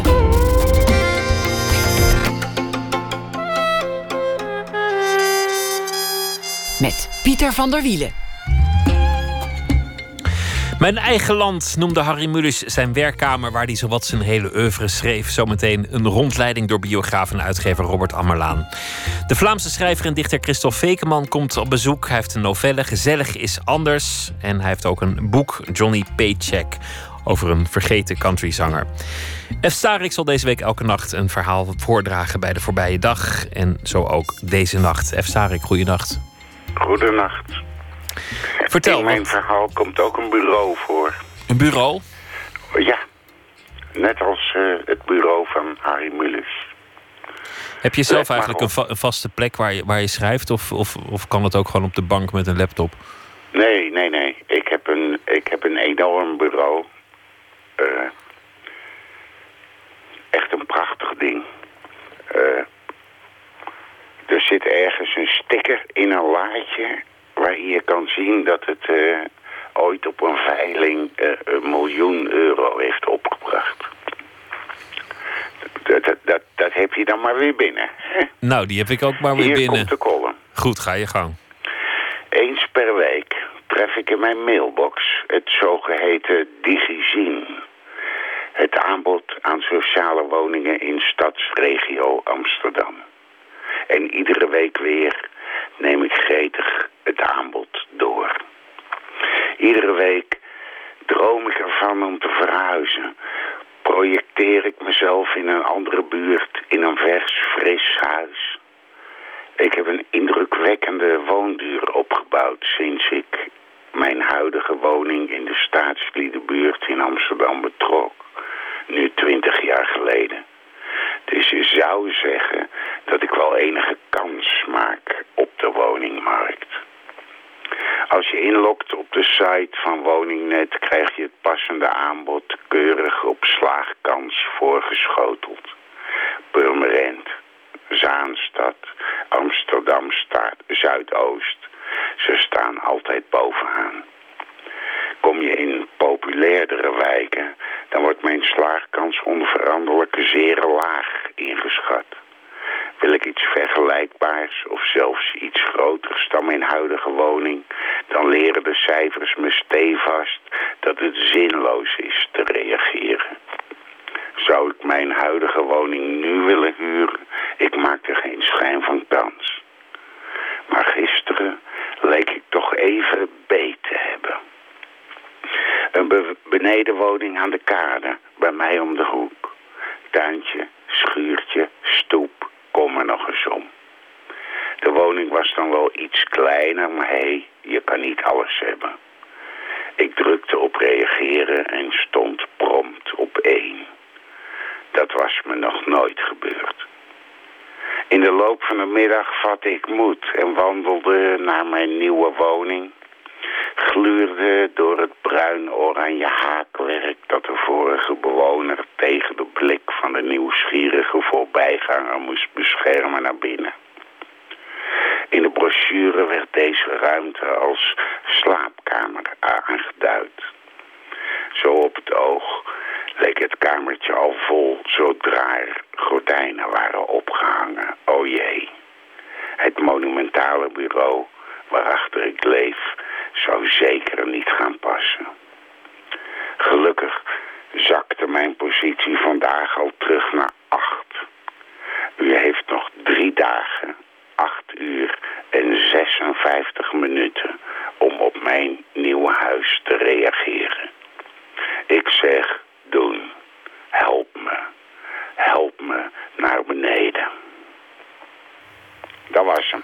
Zo, maar er is ook wel een genoegen in blijven waar je bent. Er is groot genoegen in niet verhuizen. Maar het verlangen om dat toch te doen... Dat, dat bekruipt me iedere week weer even, even hartstochtelijk eigenlijk. En dan kijk je naar binnen en dan weet je zo verschrikkelijk zeker... dat dat een ongelooflijk slecht plan is om te verhuizen. Ja, en wat een gedoe. Dan moet je dat bureau ook gaan gedoe. tillen. En, en dan moet je al, die, al die, die nooit gedragen schoenen weg gaan gooien. Of nog een keer meenemen, wat weer een confrontatie is. En- Nee, die schoenen draag ik wel hoor. Die hebben hun eigen kast. Maar die kast, daar zou geen plaats voor zijn in deze nieuwe woning. En dat, dat eh, laten we samen even zachtjes huilen, Pieter. Laten we dat doen. Draai ik intussen muziek van de Talking Heads. Dankjewel, F. Starik. Kijk, daar kunnen we altijd zachtjes bij huilen. Is muziek om te huilen, dank je. Hoi. Tot morgen. We gaan eh, naar 1981. De Talking Heads. Het nummer heet Once in a Lifetime.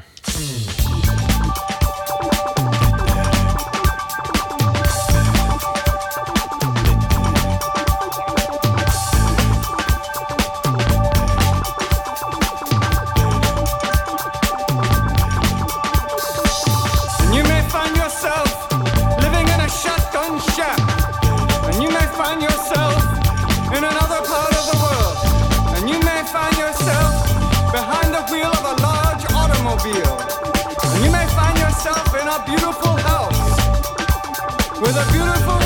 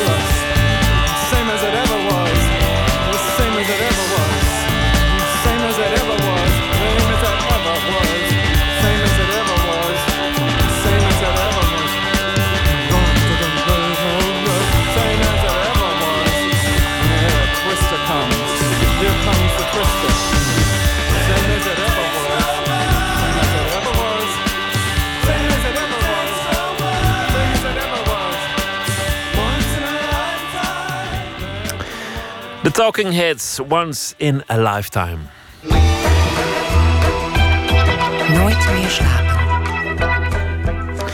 Mijn eigen land, zo noemde Harry Mulisch zijn werkkamer... waar zo'n beetje zijn hele literaire oeuvre ontstond. Biograaf en uitgever Robert Ammerlaan mocht als eerste...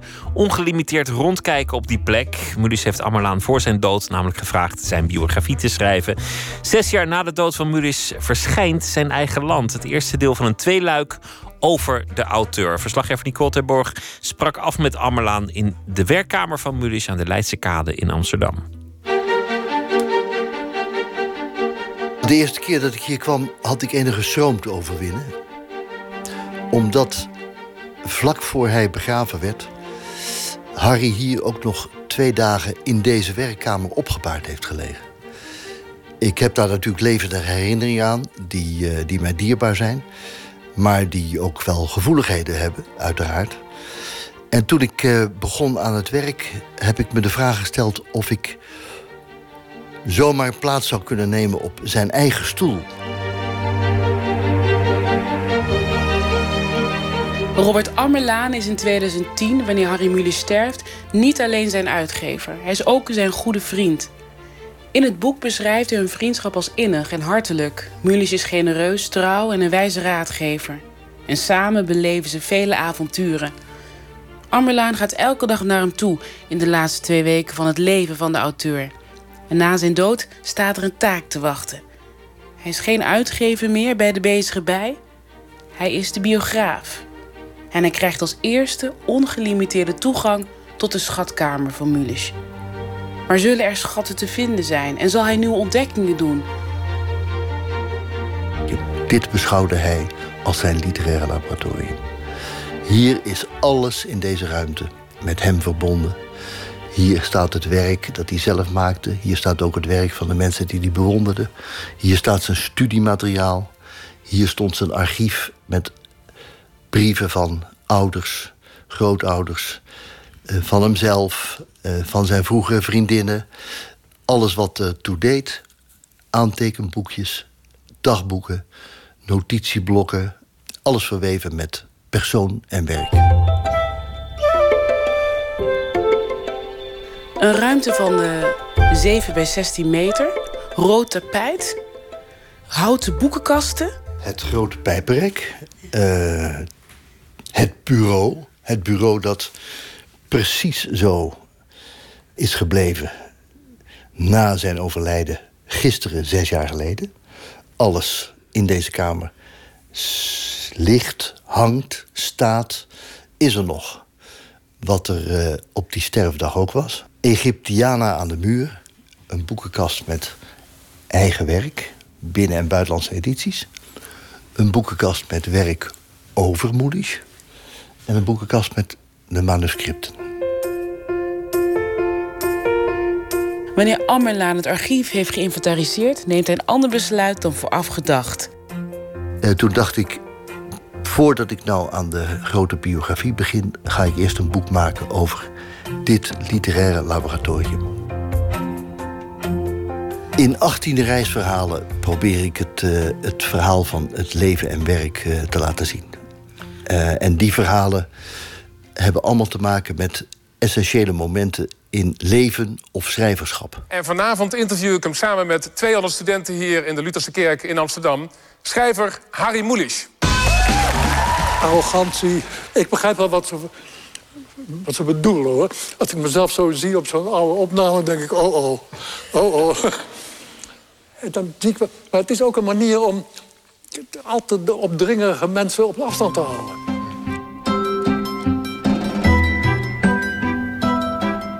Tijdens zijn leven was Moelisch volop zichtbaar als publiek persoon.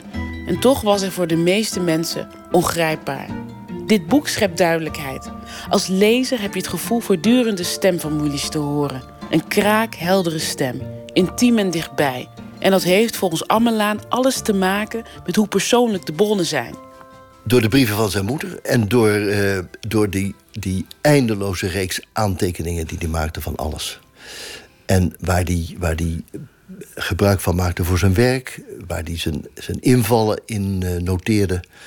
Um, En waar die, waar die dus onbespied is, dat heeft allemaal in de intimiteit van zijn werkkamer en in de intimiteit van zijn creativiteit ehm, een plaats gekregen.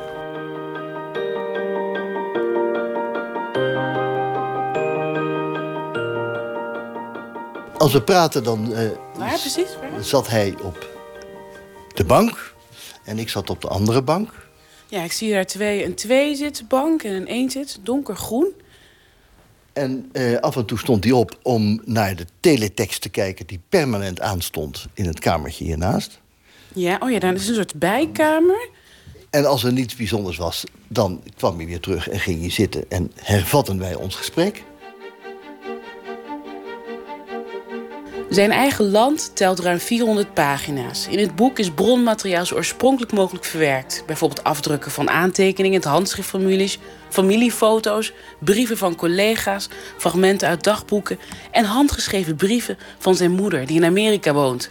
Je leest van die dingen. Dat, wie is de, de zo'n vage lijst, wie is de liefste vrouw in uw leven? Mijn moeder. Antwoord ik, geen idioot vind ik. Dat zou ik niet op mijn lippen, op mijn lippen kunnen krijgen. Als we kijken naar schrijvers die veel geïnterviewd zijn, hè, dan, dan is dat eh, Harry Mulisch. En als hij over zijn ouders sprak, dan had hij er geen echte sterke woorden over. Niet zoveel invloed, het maakte niet zoveel uit. Nu heb ik het boek gelezen en er daar spreekt iets heel anders uit. Het lijkt alsof hij constant gezien wil worden door zijn ouders. Dat is precies mijn conclusie. Mijn conclusie is dat hij ehm, dat zijn hele leven eigenlijk gedraaid heeft om het reconstrueren en het zoeken en vinden van die twee mensen eh, met wie hij zich eh, verbonden voelde. Harry, vader, moeder. Als zijn moeder vertrokken is eh, en hem alleen heeft gelaten, dan zegt hij tegen iedereen die het horen wil dat het hem nauwelijks interesseerde. Dat het hem niet pijn deed, dat het geen bijzondere schok was. Eh, over zijn vader zegt hij dat er momenten zijn geweest dat hij zijn vader gehaat heeft. En naarmate de jaren verstrijken, zie je dat hij voortdurend terugkeert naar die ouders. De schatten waar de biograaf op hoopte, heeft hij gevonden. Ammerlaan komt erachter dat Mulisch altijd op zoek was naar zijn ouders. Dat hij door hen gezien wilde worden. Het is vandaag 26 augustus 1961. En je bent naar schatting 5 mm groot. En minus 1 maand oud. Ook vindt hij een bijzondere brief, gericht aan zijn ongeboren kind. Mag ik me voorstellen? Ik heet Harry Moelisch. Ben 1,85 meter lang, plus 34 jaar en een maand oud. Ik woon in Amsterdam en ik zal je vader zijn.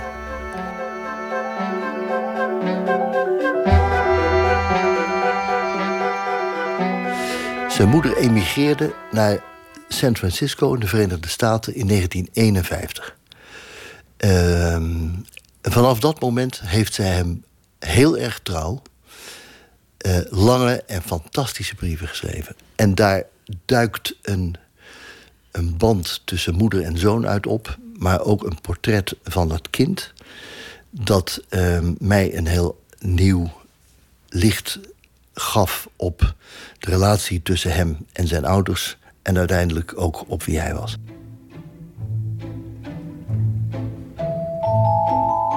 In het kamertje hierachter.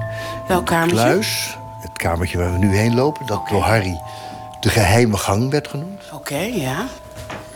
Witte En daar deur. vinden wij het heilige der heiligen, de kluis.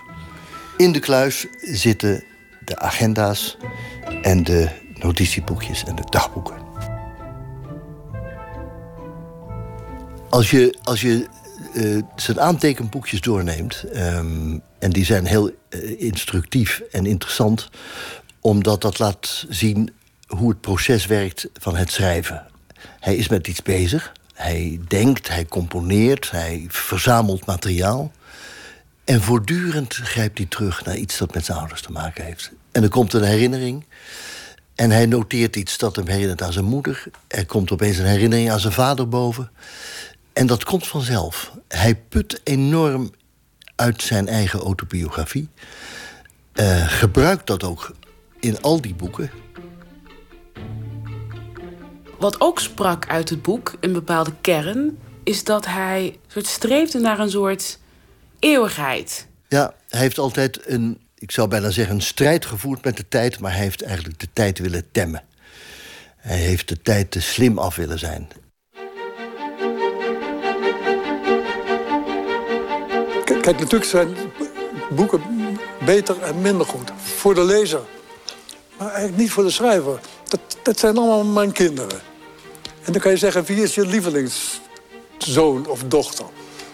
Zelfs al heb je die, mag je het toch niet zeggen. Ik mis hem als auteur enorm.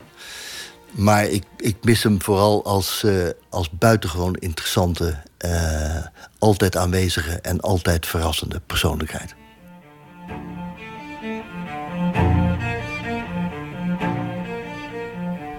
Ik vond het een zware taak, omdat ik ehm, mij afvroeg of ik eh, voldoende recht zou kunnen doen aan de absolute gedrevenheid en de totale overgave van Harry Mulisch aan zijn werk. Als iets hem definieert, is het denk ik ehm, de enorme overgave waarmee hij voor zijn werk geleefd heeft.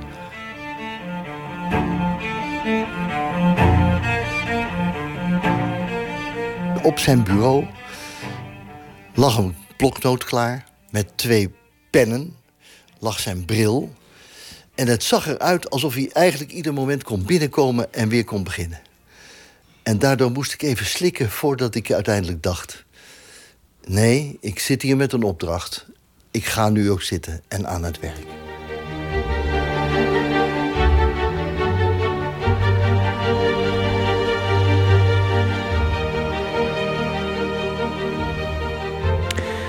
Het boek Zijn eigen land van Robert Abberlaan is vandaag verschenen. Johnny Paycheck, de man van wie u vermoedelijk nog nooit heeft gehoord, was een eh, countryzanger, nagenoeg vergeten. Hij zat ooit in de tv-serie The Dukes of Hazzard, voor wie het nog weet. En hij is ook nog ooit uh, veroordeeld voor een schietpartij in Ohio. Zijn fans bleven maar zeuren dat hij vrij moest komen. En na 22 maanden is hem dat ook gelukt. Hij werd vrijgelaten. Vrijgelaten vanwege slecht gedrag, zou je kunnen zeggen. En dat zegt ook Christophe Vekeman, die zometeen uh, te gast is. Want hij schreef een boek met als titel Johnny Paycheck. Laten we luisteren naar zijn grote held met het nummer It Won't Be Long and I'll Be Hating You Too.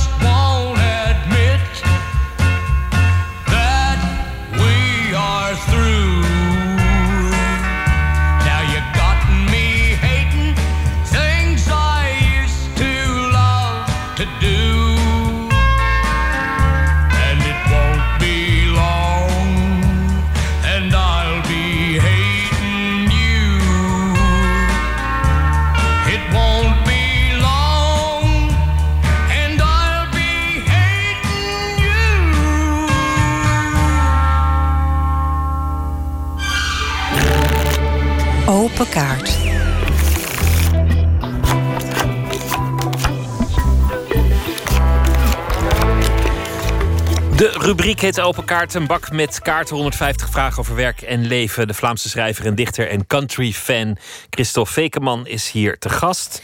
We hadden het net al over eh, Johnny Paycheck. We hebben er naar geluisterd. Een van de helden van de countrymuziek. En daar heeft hij net een uh, boek over geschreven. En hij heeft ook nog een novelle, Gezellig is anders, verschenen in het kader van de campagne Te Gek. Dat is een uh, organisatie die streeft naar positieve beeldvorming ten aanzien van personen met problemen op het vlak van de geestelijke gezondheid. Christophe Veekman, welkom. Goedenavond. Ja, Johnny Paycheck, dat is uh, een, een, een oude held. Ik had eigenlijk nog nooit van de, van de beste man gehoord. Tot je net zei, hij zat ook in de Dukes of Hazzard en toen, uh, toen ging hij helemaal leven. Ja, de Dukes of Hazzard, ja, de, de, de gewoonte om om de zoveel afleveringen inderdaad een grote countryster uit te nodigen. Buck Owens, Loretta Lynn bijvoorbeeld, die zijn er ook te gast geweest. En Johnny Paycheck heb ik wellicht, ik kan het me niet heel precies herinneren, maar wellicht heb ik hem voor de eerste keer gezien in 1981 toen hij uh, in een aflevering The Fugitive getiteld van de Dukes of Hazzard uh, optrad. Hij bracht toen zijn grote hit Take This Job and Shove It. En ik heb de beelden uiteraard toen ik het boek uh, aan het schrijven was of ging schrijven. Uh, en zelfs voordien al uh, terugbekeken op YouTube. En ja, het was opnieuw grote liefde die in mij opstond voor die figuur. Een smerig stuk krapul dat we daar echt aan het werk zien. Met ja, in haast op zijn armen neergekrabbeld lijkende tattoos. Weinig tanden in zijn druggy mond. vet pierenharen, et cetera. En dan vooral die koolzwarte kijkers van hem. Het is zoals ik in mijn boek schrijf. Ik, ik, ik, moet, als ik dat zie, hem het grootste compliment geven dat ik iemand kan geven. Namelijk, hij spreekt tot mijn verbeelding. Zijn leven bracht hij door lavierend tussen café en gevangenis. Mm. Zijn hits hebben prachtige titels als I Can't Stop Drinking... and The Only Hell My Mommy Ever Raised Was Me... Ja, I'm the only hell I'm my the... mama ever raised. Ja, ja nou, prachtige, prachtige titels. Ja. En dan, dan, weet je ook meteen in welke sfeer je het uh, zoeken moet.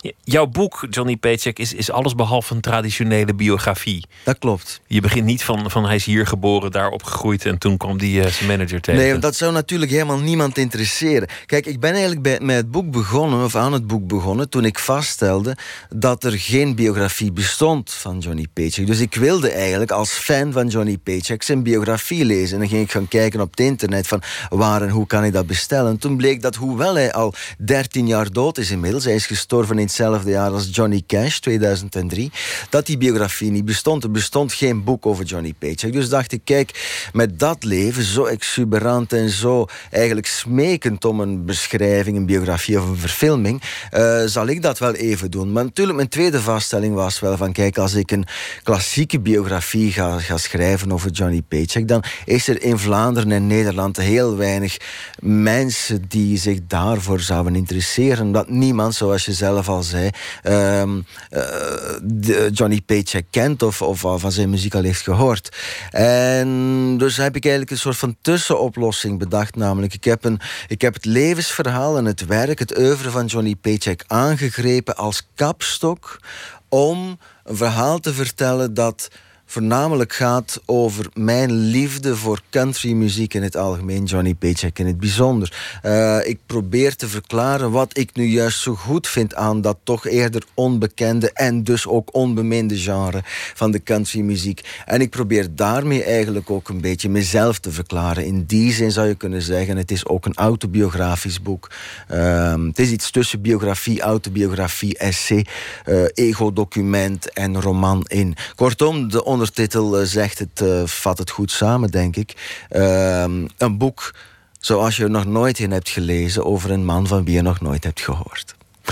Het hoort heel erg bij jou. Je, bent een man met een hoed en laarzen. Een man die zo zelf in uh, Dukes of Hazzard zou kunnen spelen. Toen we elkaar eerder spraken, zei je ooit... in Vlaanderen gaat alles om kerk en kroeg. De twee zijn nooit ver van elkaar verwijderd. Ja, dat klopt. Enfin, ik weet niet of alles in Vlaanderen altijd daarom draait. Maar uh, ik denk dat ik toen ook gezegd heb, vorig jaar... toen we hier zaten met Hotel Rozenstok...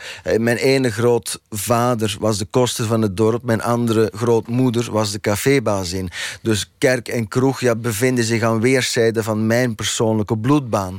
En dat is natuurlijk iets wat je heel erg terugvindt in de country en ook bij Johnny Paycheck overigens. Iemand die tot drie keer toe in de gevangenis belandt en niet omwille van akkefietjes, maar omdat hij bijvoorbeeld in het leger een overste de schedel inslaat of omdat hij in zijn oudere, latere jaren uh, op weg naar de uitgang van een café iemand voor het hoofd schiet. Uh, dus dat is niet zomaar vier keer door een rood licht uh, rijden. Dus hij komt echt met recht en reden achter tralies terecht. En heeft dan inderdaad zo toepasselijke titels als Pardon Me, I've Got Someone to Kill op zijn palmarès staan. Maar gelijkertijd, van in zijn jonge jaren tot aan het einde van zijn leven, bracht hij ook gospelmuziek uit. En was het ook van ja, liedjes als die Outlaw's Prayer bijvoorbeeld, waarin hij zich tot de Heer richt in ernst en, en, en met een uh, oprecht geweten. Laten we hopen dat hij hier ook weer in de aandacht komt door het boek. Ja, dat hoop ik. Eigenlijk hoop ik stiekem, Pieter, dat, er in, dat men in Amerika vaststelt van hé, hey, er gebeurt iets in Nederland en Vlaanderen. De cd-verkoop van Johnny Paycheck gaat uh, blijkbaar massaal de hoogte in. Hoe zou dat komen? En dat ze dan eigenlijk bij mij uitkomen, vervolgens het boek vertalen en uitbrengen in Amerika natuurlijk. Dat zou helemaal prachtig mhm. zijn. Is er ook nog het andere boek over uh, de, de campagne Te Gek? Over de waanzin. Gezellig is anders, is uh, een novelle. Ja. Je ging ooit psychologie studeren en, en in jouw boeken is, is de waanzin ook nooit heel ver weg. Dat klopt. Het grote thema in mijn boeken, um, en dan in alle veertiende boeken, want de novellen is het veertiende boek dat ik heb geschreven, is eigenlijk de eenzaamheid. In die zin, niet zozeer mijn persoonlijke eenzaamheid, maar mijn idee dat iedereen in zoverre tot eenzaamheid veroordeeld is, omdat iedereen in zijn eigen particuliere wereld leeft.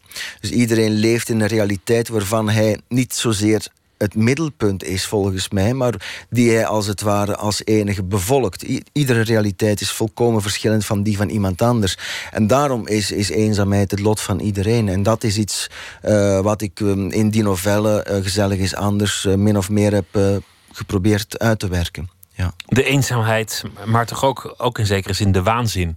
Ja, dat komt eigenlijk op hetzelfde neer. Want wat is waanzin? Ja, waanzin is dat je helemaal in je eigen wereld leeft. Een wereld die niet per definitie te maken heeft met wat je de werkelijkheid zou kunnen noemen. Of in ieder geval met de werkelijkheid van de 6 miljard andere mensen op deze wereld. En eigenlijk verschilt daarin. Dus ik wil eigenlijk, wat, wat mij betreft, is iedereen waanzinnig in zeker opzicht. En dat is juist wat uh, Ralf, de hoofdfiguur in Gezellig is Anders, die geestelijk het spoor dreigt bijster te geraken, die dreigt af te glijden in die waanzin. Dat is wat hem plots tot troost strekt. De vaststelling, of beter het inzicht dat iedereen waanzinnig is. En denkt hij van ja, goed, als iedereen waanzinnig is, dan kunnen we het uh, net zo goed erg uh, gezellig uh, hebben met elkaar. En dat wordt vandaan af het streefdoel in zijn leven. Dat, zo begint eigenlijk het, het verhaal, of dat houdt het verhaal in van gezellig is anders de bak met kaarten. We gaan eens kijken wat we over jou te weten kunnen komen aan de hand van uh, vaststaande vragen en willekeur. Wat, uh... Ik pak er een? Ja, laten we het doen. Ik geef ze aan jou. Wanneer verloor je je onschuld? Um, God, dat is wel direct een, uh, een redelijk moeilijke vraag. Um, ik veronderstel dat ik uh, mijn onschuld toch verloren ben wanneer ik naar, de school, naar, school ging. Uh, wanneer ik in aanraking kwam met uh, de gemeenschap. Ik ben opgegroeid, uh, over eenzaamheid gesproken, dan als enig kind. En, en ook in een heel geïsoleerde omgeving. In een dorp met weinig buurjongens, buurmeisjes en zo verder. Weinig familie, weinig contact, kortom, met leeftijdsgenoten. En ik denk dat ik, zodra ik op de kleuterschool ben terechtgekomen, dat mijn naïviteit verdween. En ik kom, dus schiet me nu toch één anekdote uh, te binnen. Vrij snel, een van de eerste dagen op die kleuterschool die ik me herinner, was er een klasgenootje dat zei van je, je moet hier uh, je moet meedoen met mij en uh, dan gaan we samen met een strootje een rietje, weet je. In Vlaanderen zeggen we een rietje met een strootje van een regenplas gaan drinken. En ik dacht dat het zo hoorde en ik deed dat inderdaad, maar ik was op natuurlijk op een bepaald moment de enige die dat aan het doen was. En ik voelde me toen heel erg verraden. Ik denk dat toen mijn onschuld te teloor is gegaan. Ja. Neem er nog geen. Wat was een moment van triomf? Ehm, God, dat moet dan toch uh, mijn, uh, mijn eerste boek geweest zijn. Dus in 1999 ben ik gedebuteerd. En ik veronderstel dat het grote moment van triomf niet het debuut zelf was, maar wel het moment dat uh, iemand, nog altijd mijn uitgever Peter Nijssen van de Arbeiderspers, mij contacteerde en zei van je krijgt een contract. En de triomf bestond erin dat ik toen, ehm, um, dat er toen een, dat ik toen gelijk kreeg omdat er in de loop van mijn leven honderden mensen hadden gezegd van... ja, je kan nu wel blijven dromen, uh, maar uh, je gaat toch nooit een boek publiceren bij een, bij een echte uitgeverij. En dat gebeurde dan toch. Ja. En toen was je 27? Toen was ik 6, 27. Ja, enfin, toen, ik, toen ik bericht kreeg was ik 5, 26. Ja. Relatief jong. Wel ja, ik, ik weet nog dat ik toen dacht, Moelisch was 26, maar Reven was 23 en Klaus was 19. Dus ik vond het toen eigenlijk redelijk oud. maar ik heb mezelf getroost toen met, uh, met uh, gedachte, uh, bescheiden als ik ben. Jan Wolkers was er 31. Ja, ja dat is ook waar. Wat hebben we hier? Op welke vraag had je eigenlijk gehoopt? Uh, ik heb er niet veel over nagedacht, uh, maar ik zou het. Ik, misschien zou ik wel hebben gehoopt uh, dat we het nog even ehm, over mijn vorige roman hadden gehad. Over Hotel Rozenstok. Die heeft namelijk, dat heb ik ook net te horen gekregen vorige week dan, um, de prijs voor de provincie Oost-Vlaanderen gekregen. En um, dat is eigenlijk de eerste, na 17 jaar schrijven, de eerste min of meer grote prijs die mij is toegevallen. Uh, dus daar ben ik toch wel redelijk blij om een beetje tegen mijn aard in en ook een beetje tegen mijn voornemen in. Want ik heb altijd gezegd van kijk, mensen vragen mij dat al, al vele jaren van ja, hoe komt het toch dat je nooit genomineerd wordt voor prijzen en dergelijke. En dan zei ja, weet ik veel, uh, dat, maakt mij ook niet zoveel uit. Ik, ben, ik, droom er niet van om een prijs te krijgen. Ik droom ervan om ooit een prijs te weigeren. maar nu het zover is, uh, ga ik toch echt blij en beleefd zijn. Ja. En ik vind het ook wel goede reclame. Ik merk het nu op de boekenbeurs in Antwerpen dat uh, Hotel Rozenstok, zoals het boek heet, uh, toch wel terug een beetje een nieuwe boost krijgt. En uh, dat vind ik wel heel prettig om, om te merken. Dat het boek, hoewel het al een jaar geleden is en tegenwoordig is dat in literaire naar, niet, naar literaire normen vrij lang, om niet te zeggen een halve eeuwigheid, dat het na een jaar toch wel weer een soort van herleving beleeft. Dat is goed. Maar je schrijft uh, tamelijk snel door. Tamelijk uh, consistent. Nou, ieder jaar wel een boek gemiddeld, lijkt me. Ik heb nu op 13 maanden tijd vier boeken gepubliceerd. Want in mei heb ik ook een dichtbundel uh, uh, gepubliceerd. Dit is geen slaapkamer meer nu. Maar er zijn een paar. Uh, ik heb een periode gehad, zo tussen 2002 en 2008, dat ik uh, blijkbaar heel andere dingen te doen had. En dan, zijn dan is er maar één boek verschenen. Dus het, het, is echt in golven. Maar het is wel zo dat ik ehm, de laatste jaren heel snel schrijven. In die zin dat ik gewoon veel minder tijd spendeer aan het schrijven van bijvoorbeeld Hotel Rozenstok of Johnny Paycheck, die novelle, of Marie, nog een, een vrij recent boek. Um, dus die boeken komen als het ware als uh, wilde, onstuimige beesten uit mijn brein tevoorschijn getrappeld. En uh, in tegenstelling tot vroeger. Vroeger was het veel beredeneerder. Dan dacht ik van ja, ik ga een boek schrijven. Of het wordt tijd om weer een boek te schrijven. Of. En uh, eigenlijk ben ik in 2012 min of meer gestopt met schrijven. Mijn, in mijn beleving. Met een uitzonderlijke vrouw. Ik dacht toen dat is mijn magnum opus. Dat is een van de beste boeken die ehm, sinds de, de eeuwwisseling in, in ons taalgebied verschenen zijn. Dat meende ik oprecht toen. En uh, ik weet niet of ik er gelijk in had of niet. Maar in elk geval, feit is wel dat dat boek een beetje tussen de plooien van de kritiek in belandde. En de mensen die er wel aandacht aan besteden, uh, dat die dat op een vrij negatieve manier soms deden. Ah, uitzonderingen daar gelaten. En toen was ik toch zodanig gedesillusioneerd dat ik zei van ja, ik, nu stop ik ermee. En de boeken die sindsdien zijn verschenen, en dat zijn er vreemd genoeg meer dan ooit, maar die zijn eigenlijk willens nillens, willens nillens verschenen. Dat zijn eigenlijk boeken die ik niet zozeer geschreven heb in mijn beleving, maar die mij zijn overkomen. Het zijn er eh, dus uh, drie. Eentje van uh, vorig jaar, Hotel Rozenstok. Die nu ook door een nominatie weer in de aandacht staat. Nee, het is echt een prijs. Hè? Eh, door de prijs zelfs, ja. En dan is er ook nog de dichtbundel Dit is geen slaapkamer... en het boek Johnny Paycheck.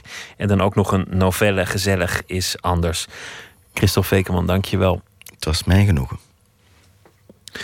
Ze waren mooi, sexy, ze konden dansen, zingen en ze waren actief in de jaren 60 en 70. Eerst als achtergrondkoor van Ike en Tina Turner, vandaar ook de naam de Ike Cats. Maar ze maakten ook zelf uh, platen. Dit was 1965, Your Love Is Mine.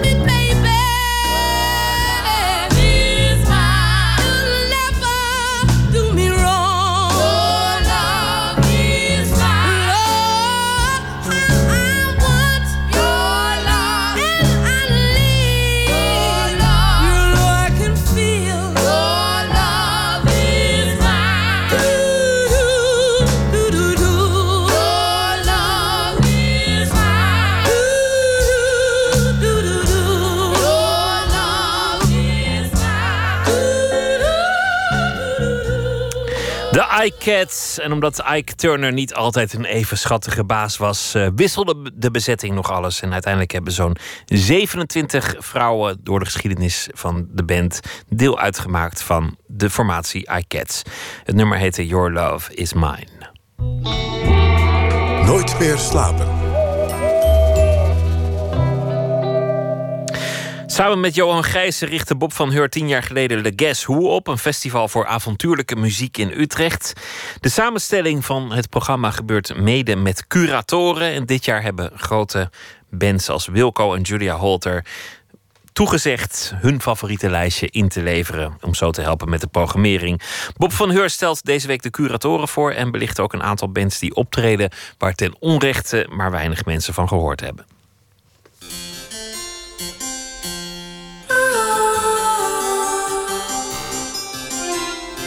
Julia Holter, de vierde curator van het festival. Van alle popmuzikanten is zij misschien wel een van de meest inventieve songwriters die er op het moment bestaat. Ze maakt vrij uh, toegankelijke popmuziek, maar met een uh, zwaar experimentele onderlaag.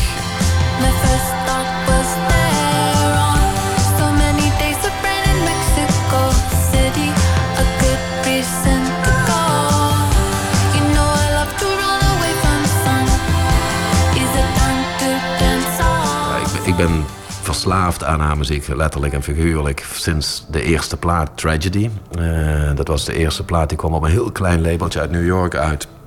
En, uh, en ik stond gewoon op mijn iPod. Ik had hem uh, op, mijn, op, mijn, iPod gezet.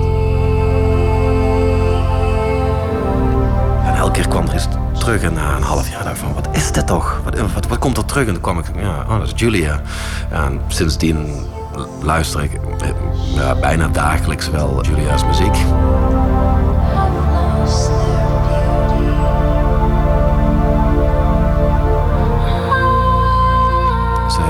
laatste plaat, eh, Have You In My Wilderness... eh, heeft eigenlijk alleen maar vier en vijf sterren recensies ontvangen. En Late night in Lake Park. I wait for you to see me. Daardoor is ze inmiddels ook al echt doorgestoten eh, tot een grotere pop-act. In Engeland weet ik, daar speelt ze de Shepherd's Bush Empire, wat 2000 capaciteit is. Dus daar is het echt een grote pop-act. Omdat ik ook met haar inmiddels werk als haar eh, agent, ken ik haar manier van denken meer en meer. Toen had ik ook wel zoiets van binnen het gecureerde programma is zij de perfecte om juist het minimalistische op te zoeken. Waar de anderen toch vaak iets meer naar een bombast gaan of wat grootser of wat reguliere muziek. Wist ik gewoon bij Julia ja, haar keuze van muziek. Want ze heeft ooit eh, mixtapejes gemaakt. Ik kende letterlijk niemand op die mixtape. Toen dacht ik van oké, dit is de perfecte curator voor, uh, voor Le Guess. Julia's eh, lijstje is vrij lang. Eh, maar ik denk misschien wel de meest bijzondere van het hele ding is een eh, programma dat heet Maya Dunitz is Playing the Music of Emma Hoyt-Segei Mariam Gebru. Emma Hoyt-Segei Mariam Gebru is een non uit Ethiopië die ten tijde van Haile Selassie eigenlijk gestopt was om muziek te maken, behalve in het klooster waar ze zat. Daar is ze gewoon doorgegaan.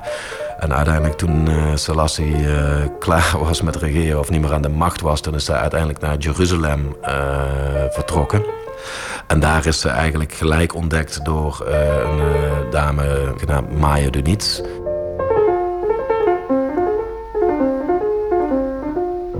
Ja, ze wordt ook wel de Chopin van de Ethiopische muziek genoemd. Je Ethiopische muziek luistert, de Ethiopiek-series of uh, ja, eigenlijk elke Ethiopische muziek, de melodieën zitten heel erg in haar pianospel, maar het heeft een bepaald soort van rustgevend gevoel. Het is mijn zondagochtendplaat. Het is verslavend. Het zijn eigenlijk alleen maar kleine riedelmelodietjes op de piano, uh, maar ja, je kan er uren naar luisteren. Want ik heb dan uh, een LP van Emma Hoy thuis. Die gaat uh, zes keer uh, naar, op de andere kant. En ik blijf hem maar doordraaien, omdat het gewoon zo'n rustgevend goede muziek is.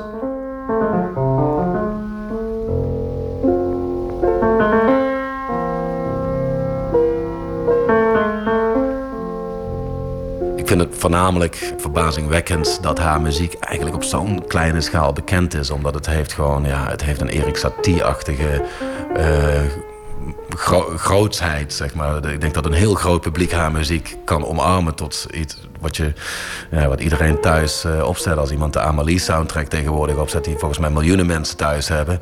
Ja, dan is Emma Hoy is dan wel de, de, de volgende level uh, muziek die je ook kan doen. Die gewoon, ja, dat is heel toegankelijk. Emma zelf speelt geen eigen liveshows meer. Ze heeft volgens mij ook nadat zij uit Jeruzalem is vertrokken nooit meer echt live gespeeld. Ze is wel nog bij een show ooit aanwezig geweest van uh, Maya de Niets. En Maya is dan weer een muzikante die Julia kent. Maya doet verschillende soorten optredens. En Julia heeft specifiek gevraagd van... kan ze de muziek van Emma Hoy spelen? Want dat is iets waar, waar ik constant naar luister.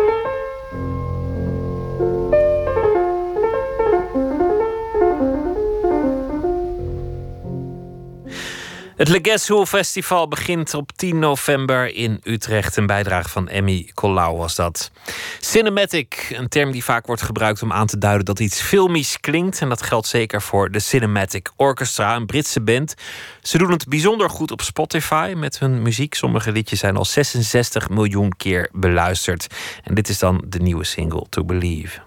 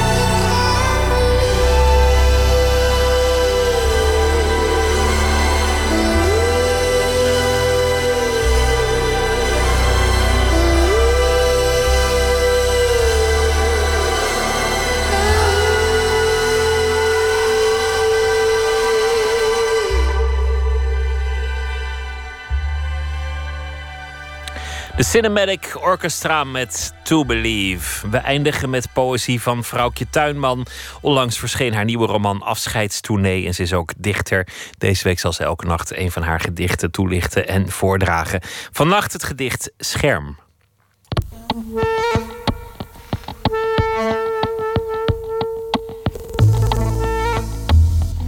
Scherm. De ene helft mag van de ander niet weten wat buiten gebeurt. Recept van middag tot nacht, binnenblijven, op de bank. De telefoon onthoofd. Kijken precies tot aan het glas. Niet aan slapen denken. Als toch gedacht, stop denken. Niet afdwalen van het stoppen. De ene helft mag niet weten dat bij de andere nog licht brandt. Watten in oren duwen. Het gezicht begraven in pluche. Gedachten met klittenband buitensluiten. Stop. De ene helft mag van de ander niet weten. Ik ben geneigd om, als ik schrijf, enorm te researchen. Ik ben ook echt een, uh, een Google-slachtoffer. Daar komt dan heel weinig van in een daadwerkelijk gedicht of proza-werk terecht. Het komt dus ook heel vaak voor dat ik naderhand, in dit geval negen jaar later, negen jaar na het publiceren van dit gedicht, nog zou weten wat ik ongeveer ook alweer had geleerd in de aanleg daarvan. Ik maak uit dit gedicht op dat ik met slapen bezig was en om precies te zijn met slapeloosheid.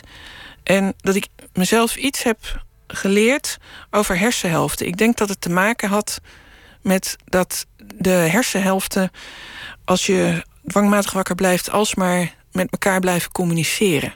En dat ik daaruit concludeerde dat ik er een van de twee uit moest zetten. Dat denk ik.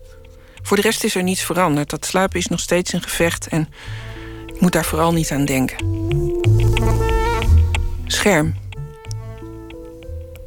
De ene helft mag van de ander niet weten wat buiten gebeurt. Recept van middag tot nacht binnenblijven op de bank. De telefoon onthoofd. Kijken precies tot aan het glas. Niet aan slapen denken. Als toch gedacht, stop denken. Niet afdwalen van het stoppen. De ene helft mag niet weten dat bij de ander nog licht brandt. Watten in oren duwen, het gezicht begraven in plush, gedachten met klittenband buitensluiten. Stop. De ene helft mag van de ander niet weten. Vrouwtje Tuinman las het gedicht Scherm. Morgen zit hier Esther Naomi Perquin en die gaat in gesprek met Bart Ongering. Beter bekend als meester Bart. En hij eh, schrijft een column in Trouw over zijn ervaringen als docent voor de klas. Zijn beste zijn verzameld in de bundel Meester Bart op zijn best. Dat morgen, nu de nachtzuster op deze zender. En ik wens u een hele goede nacht.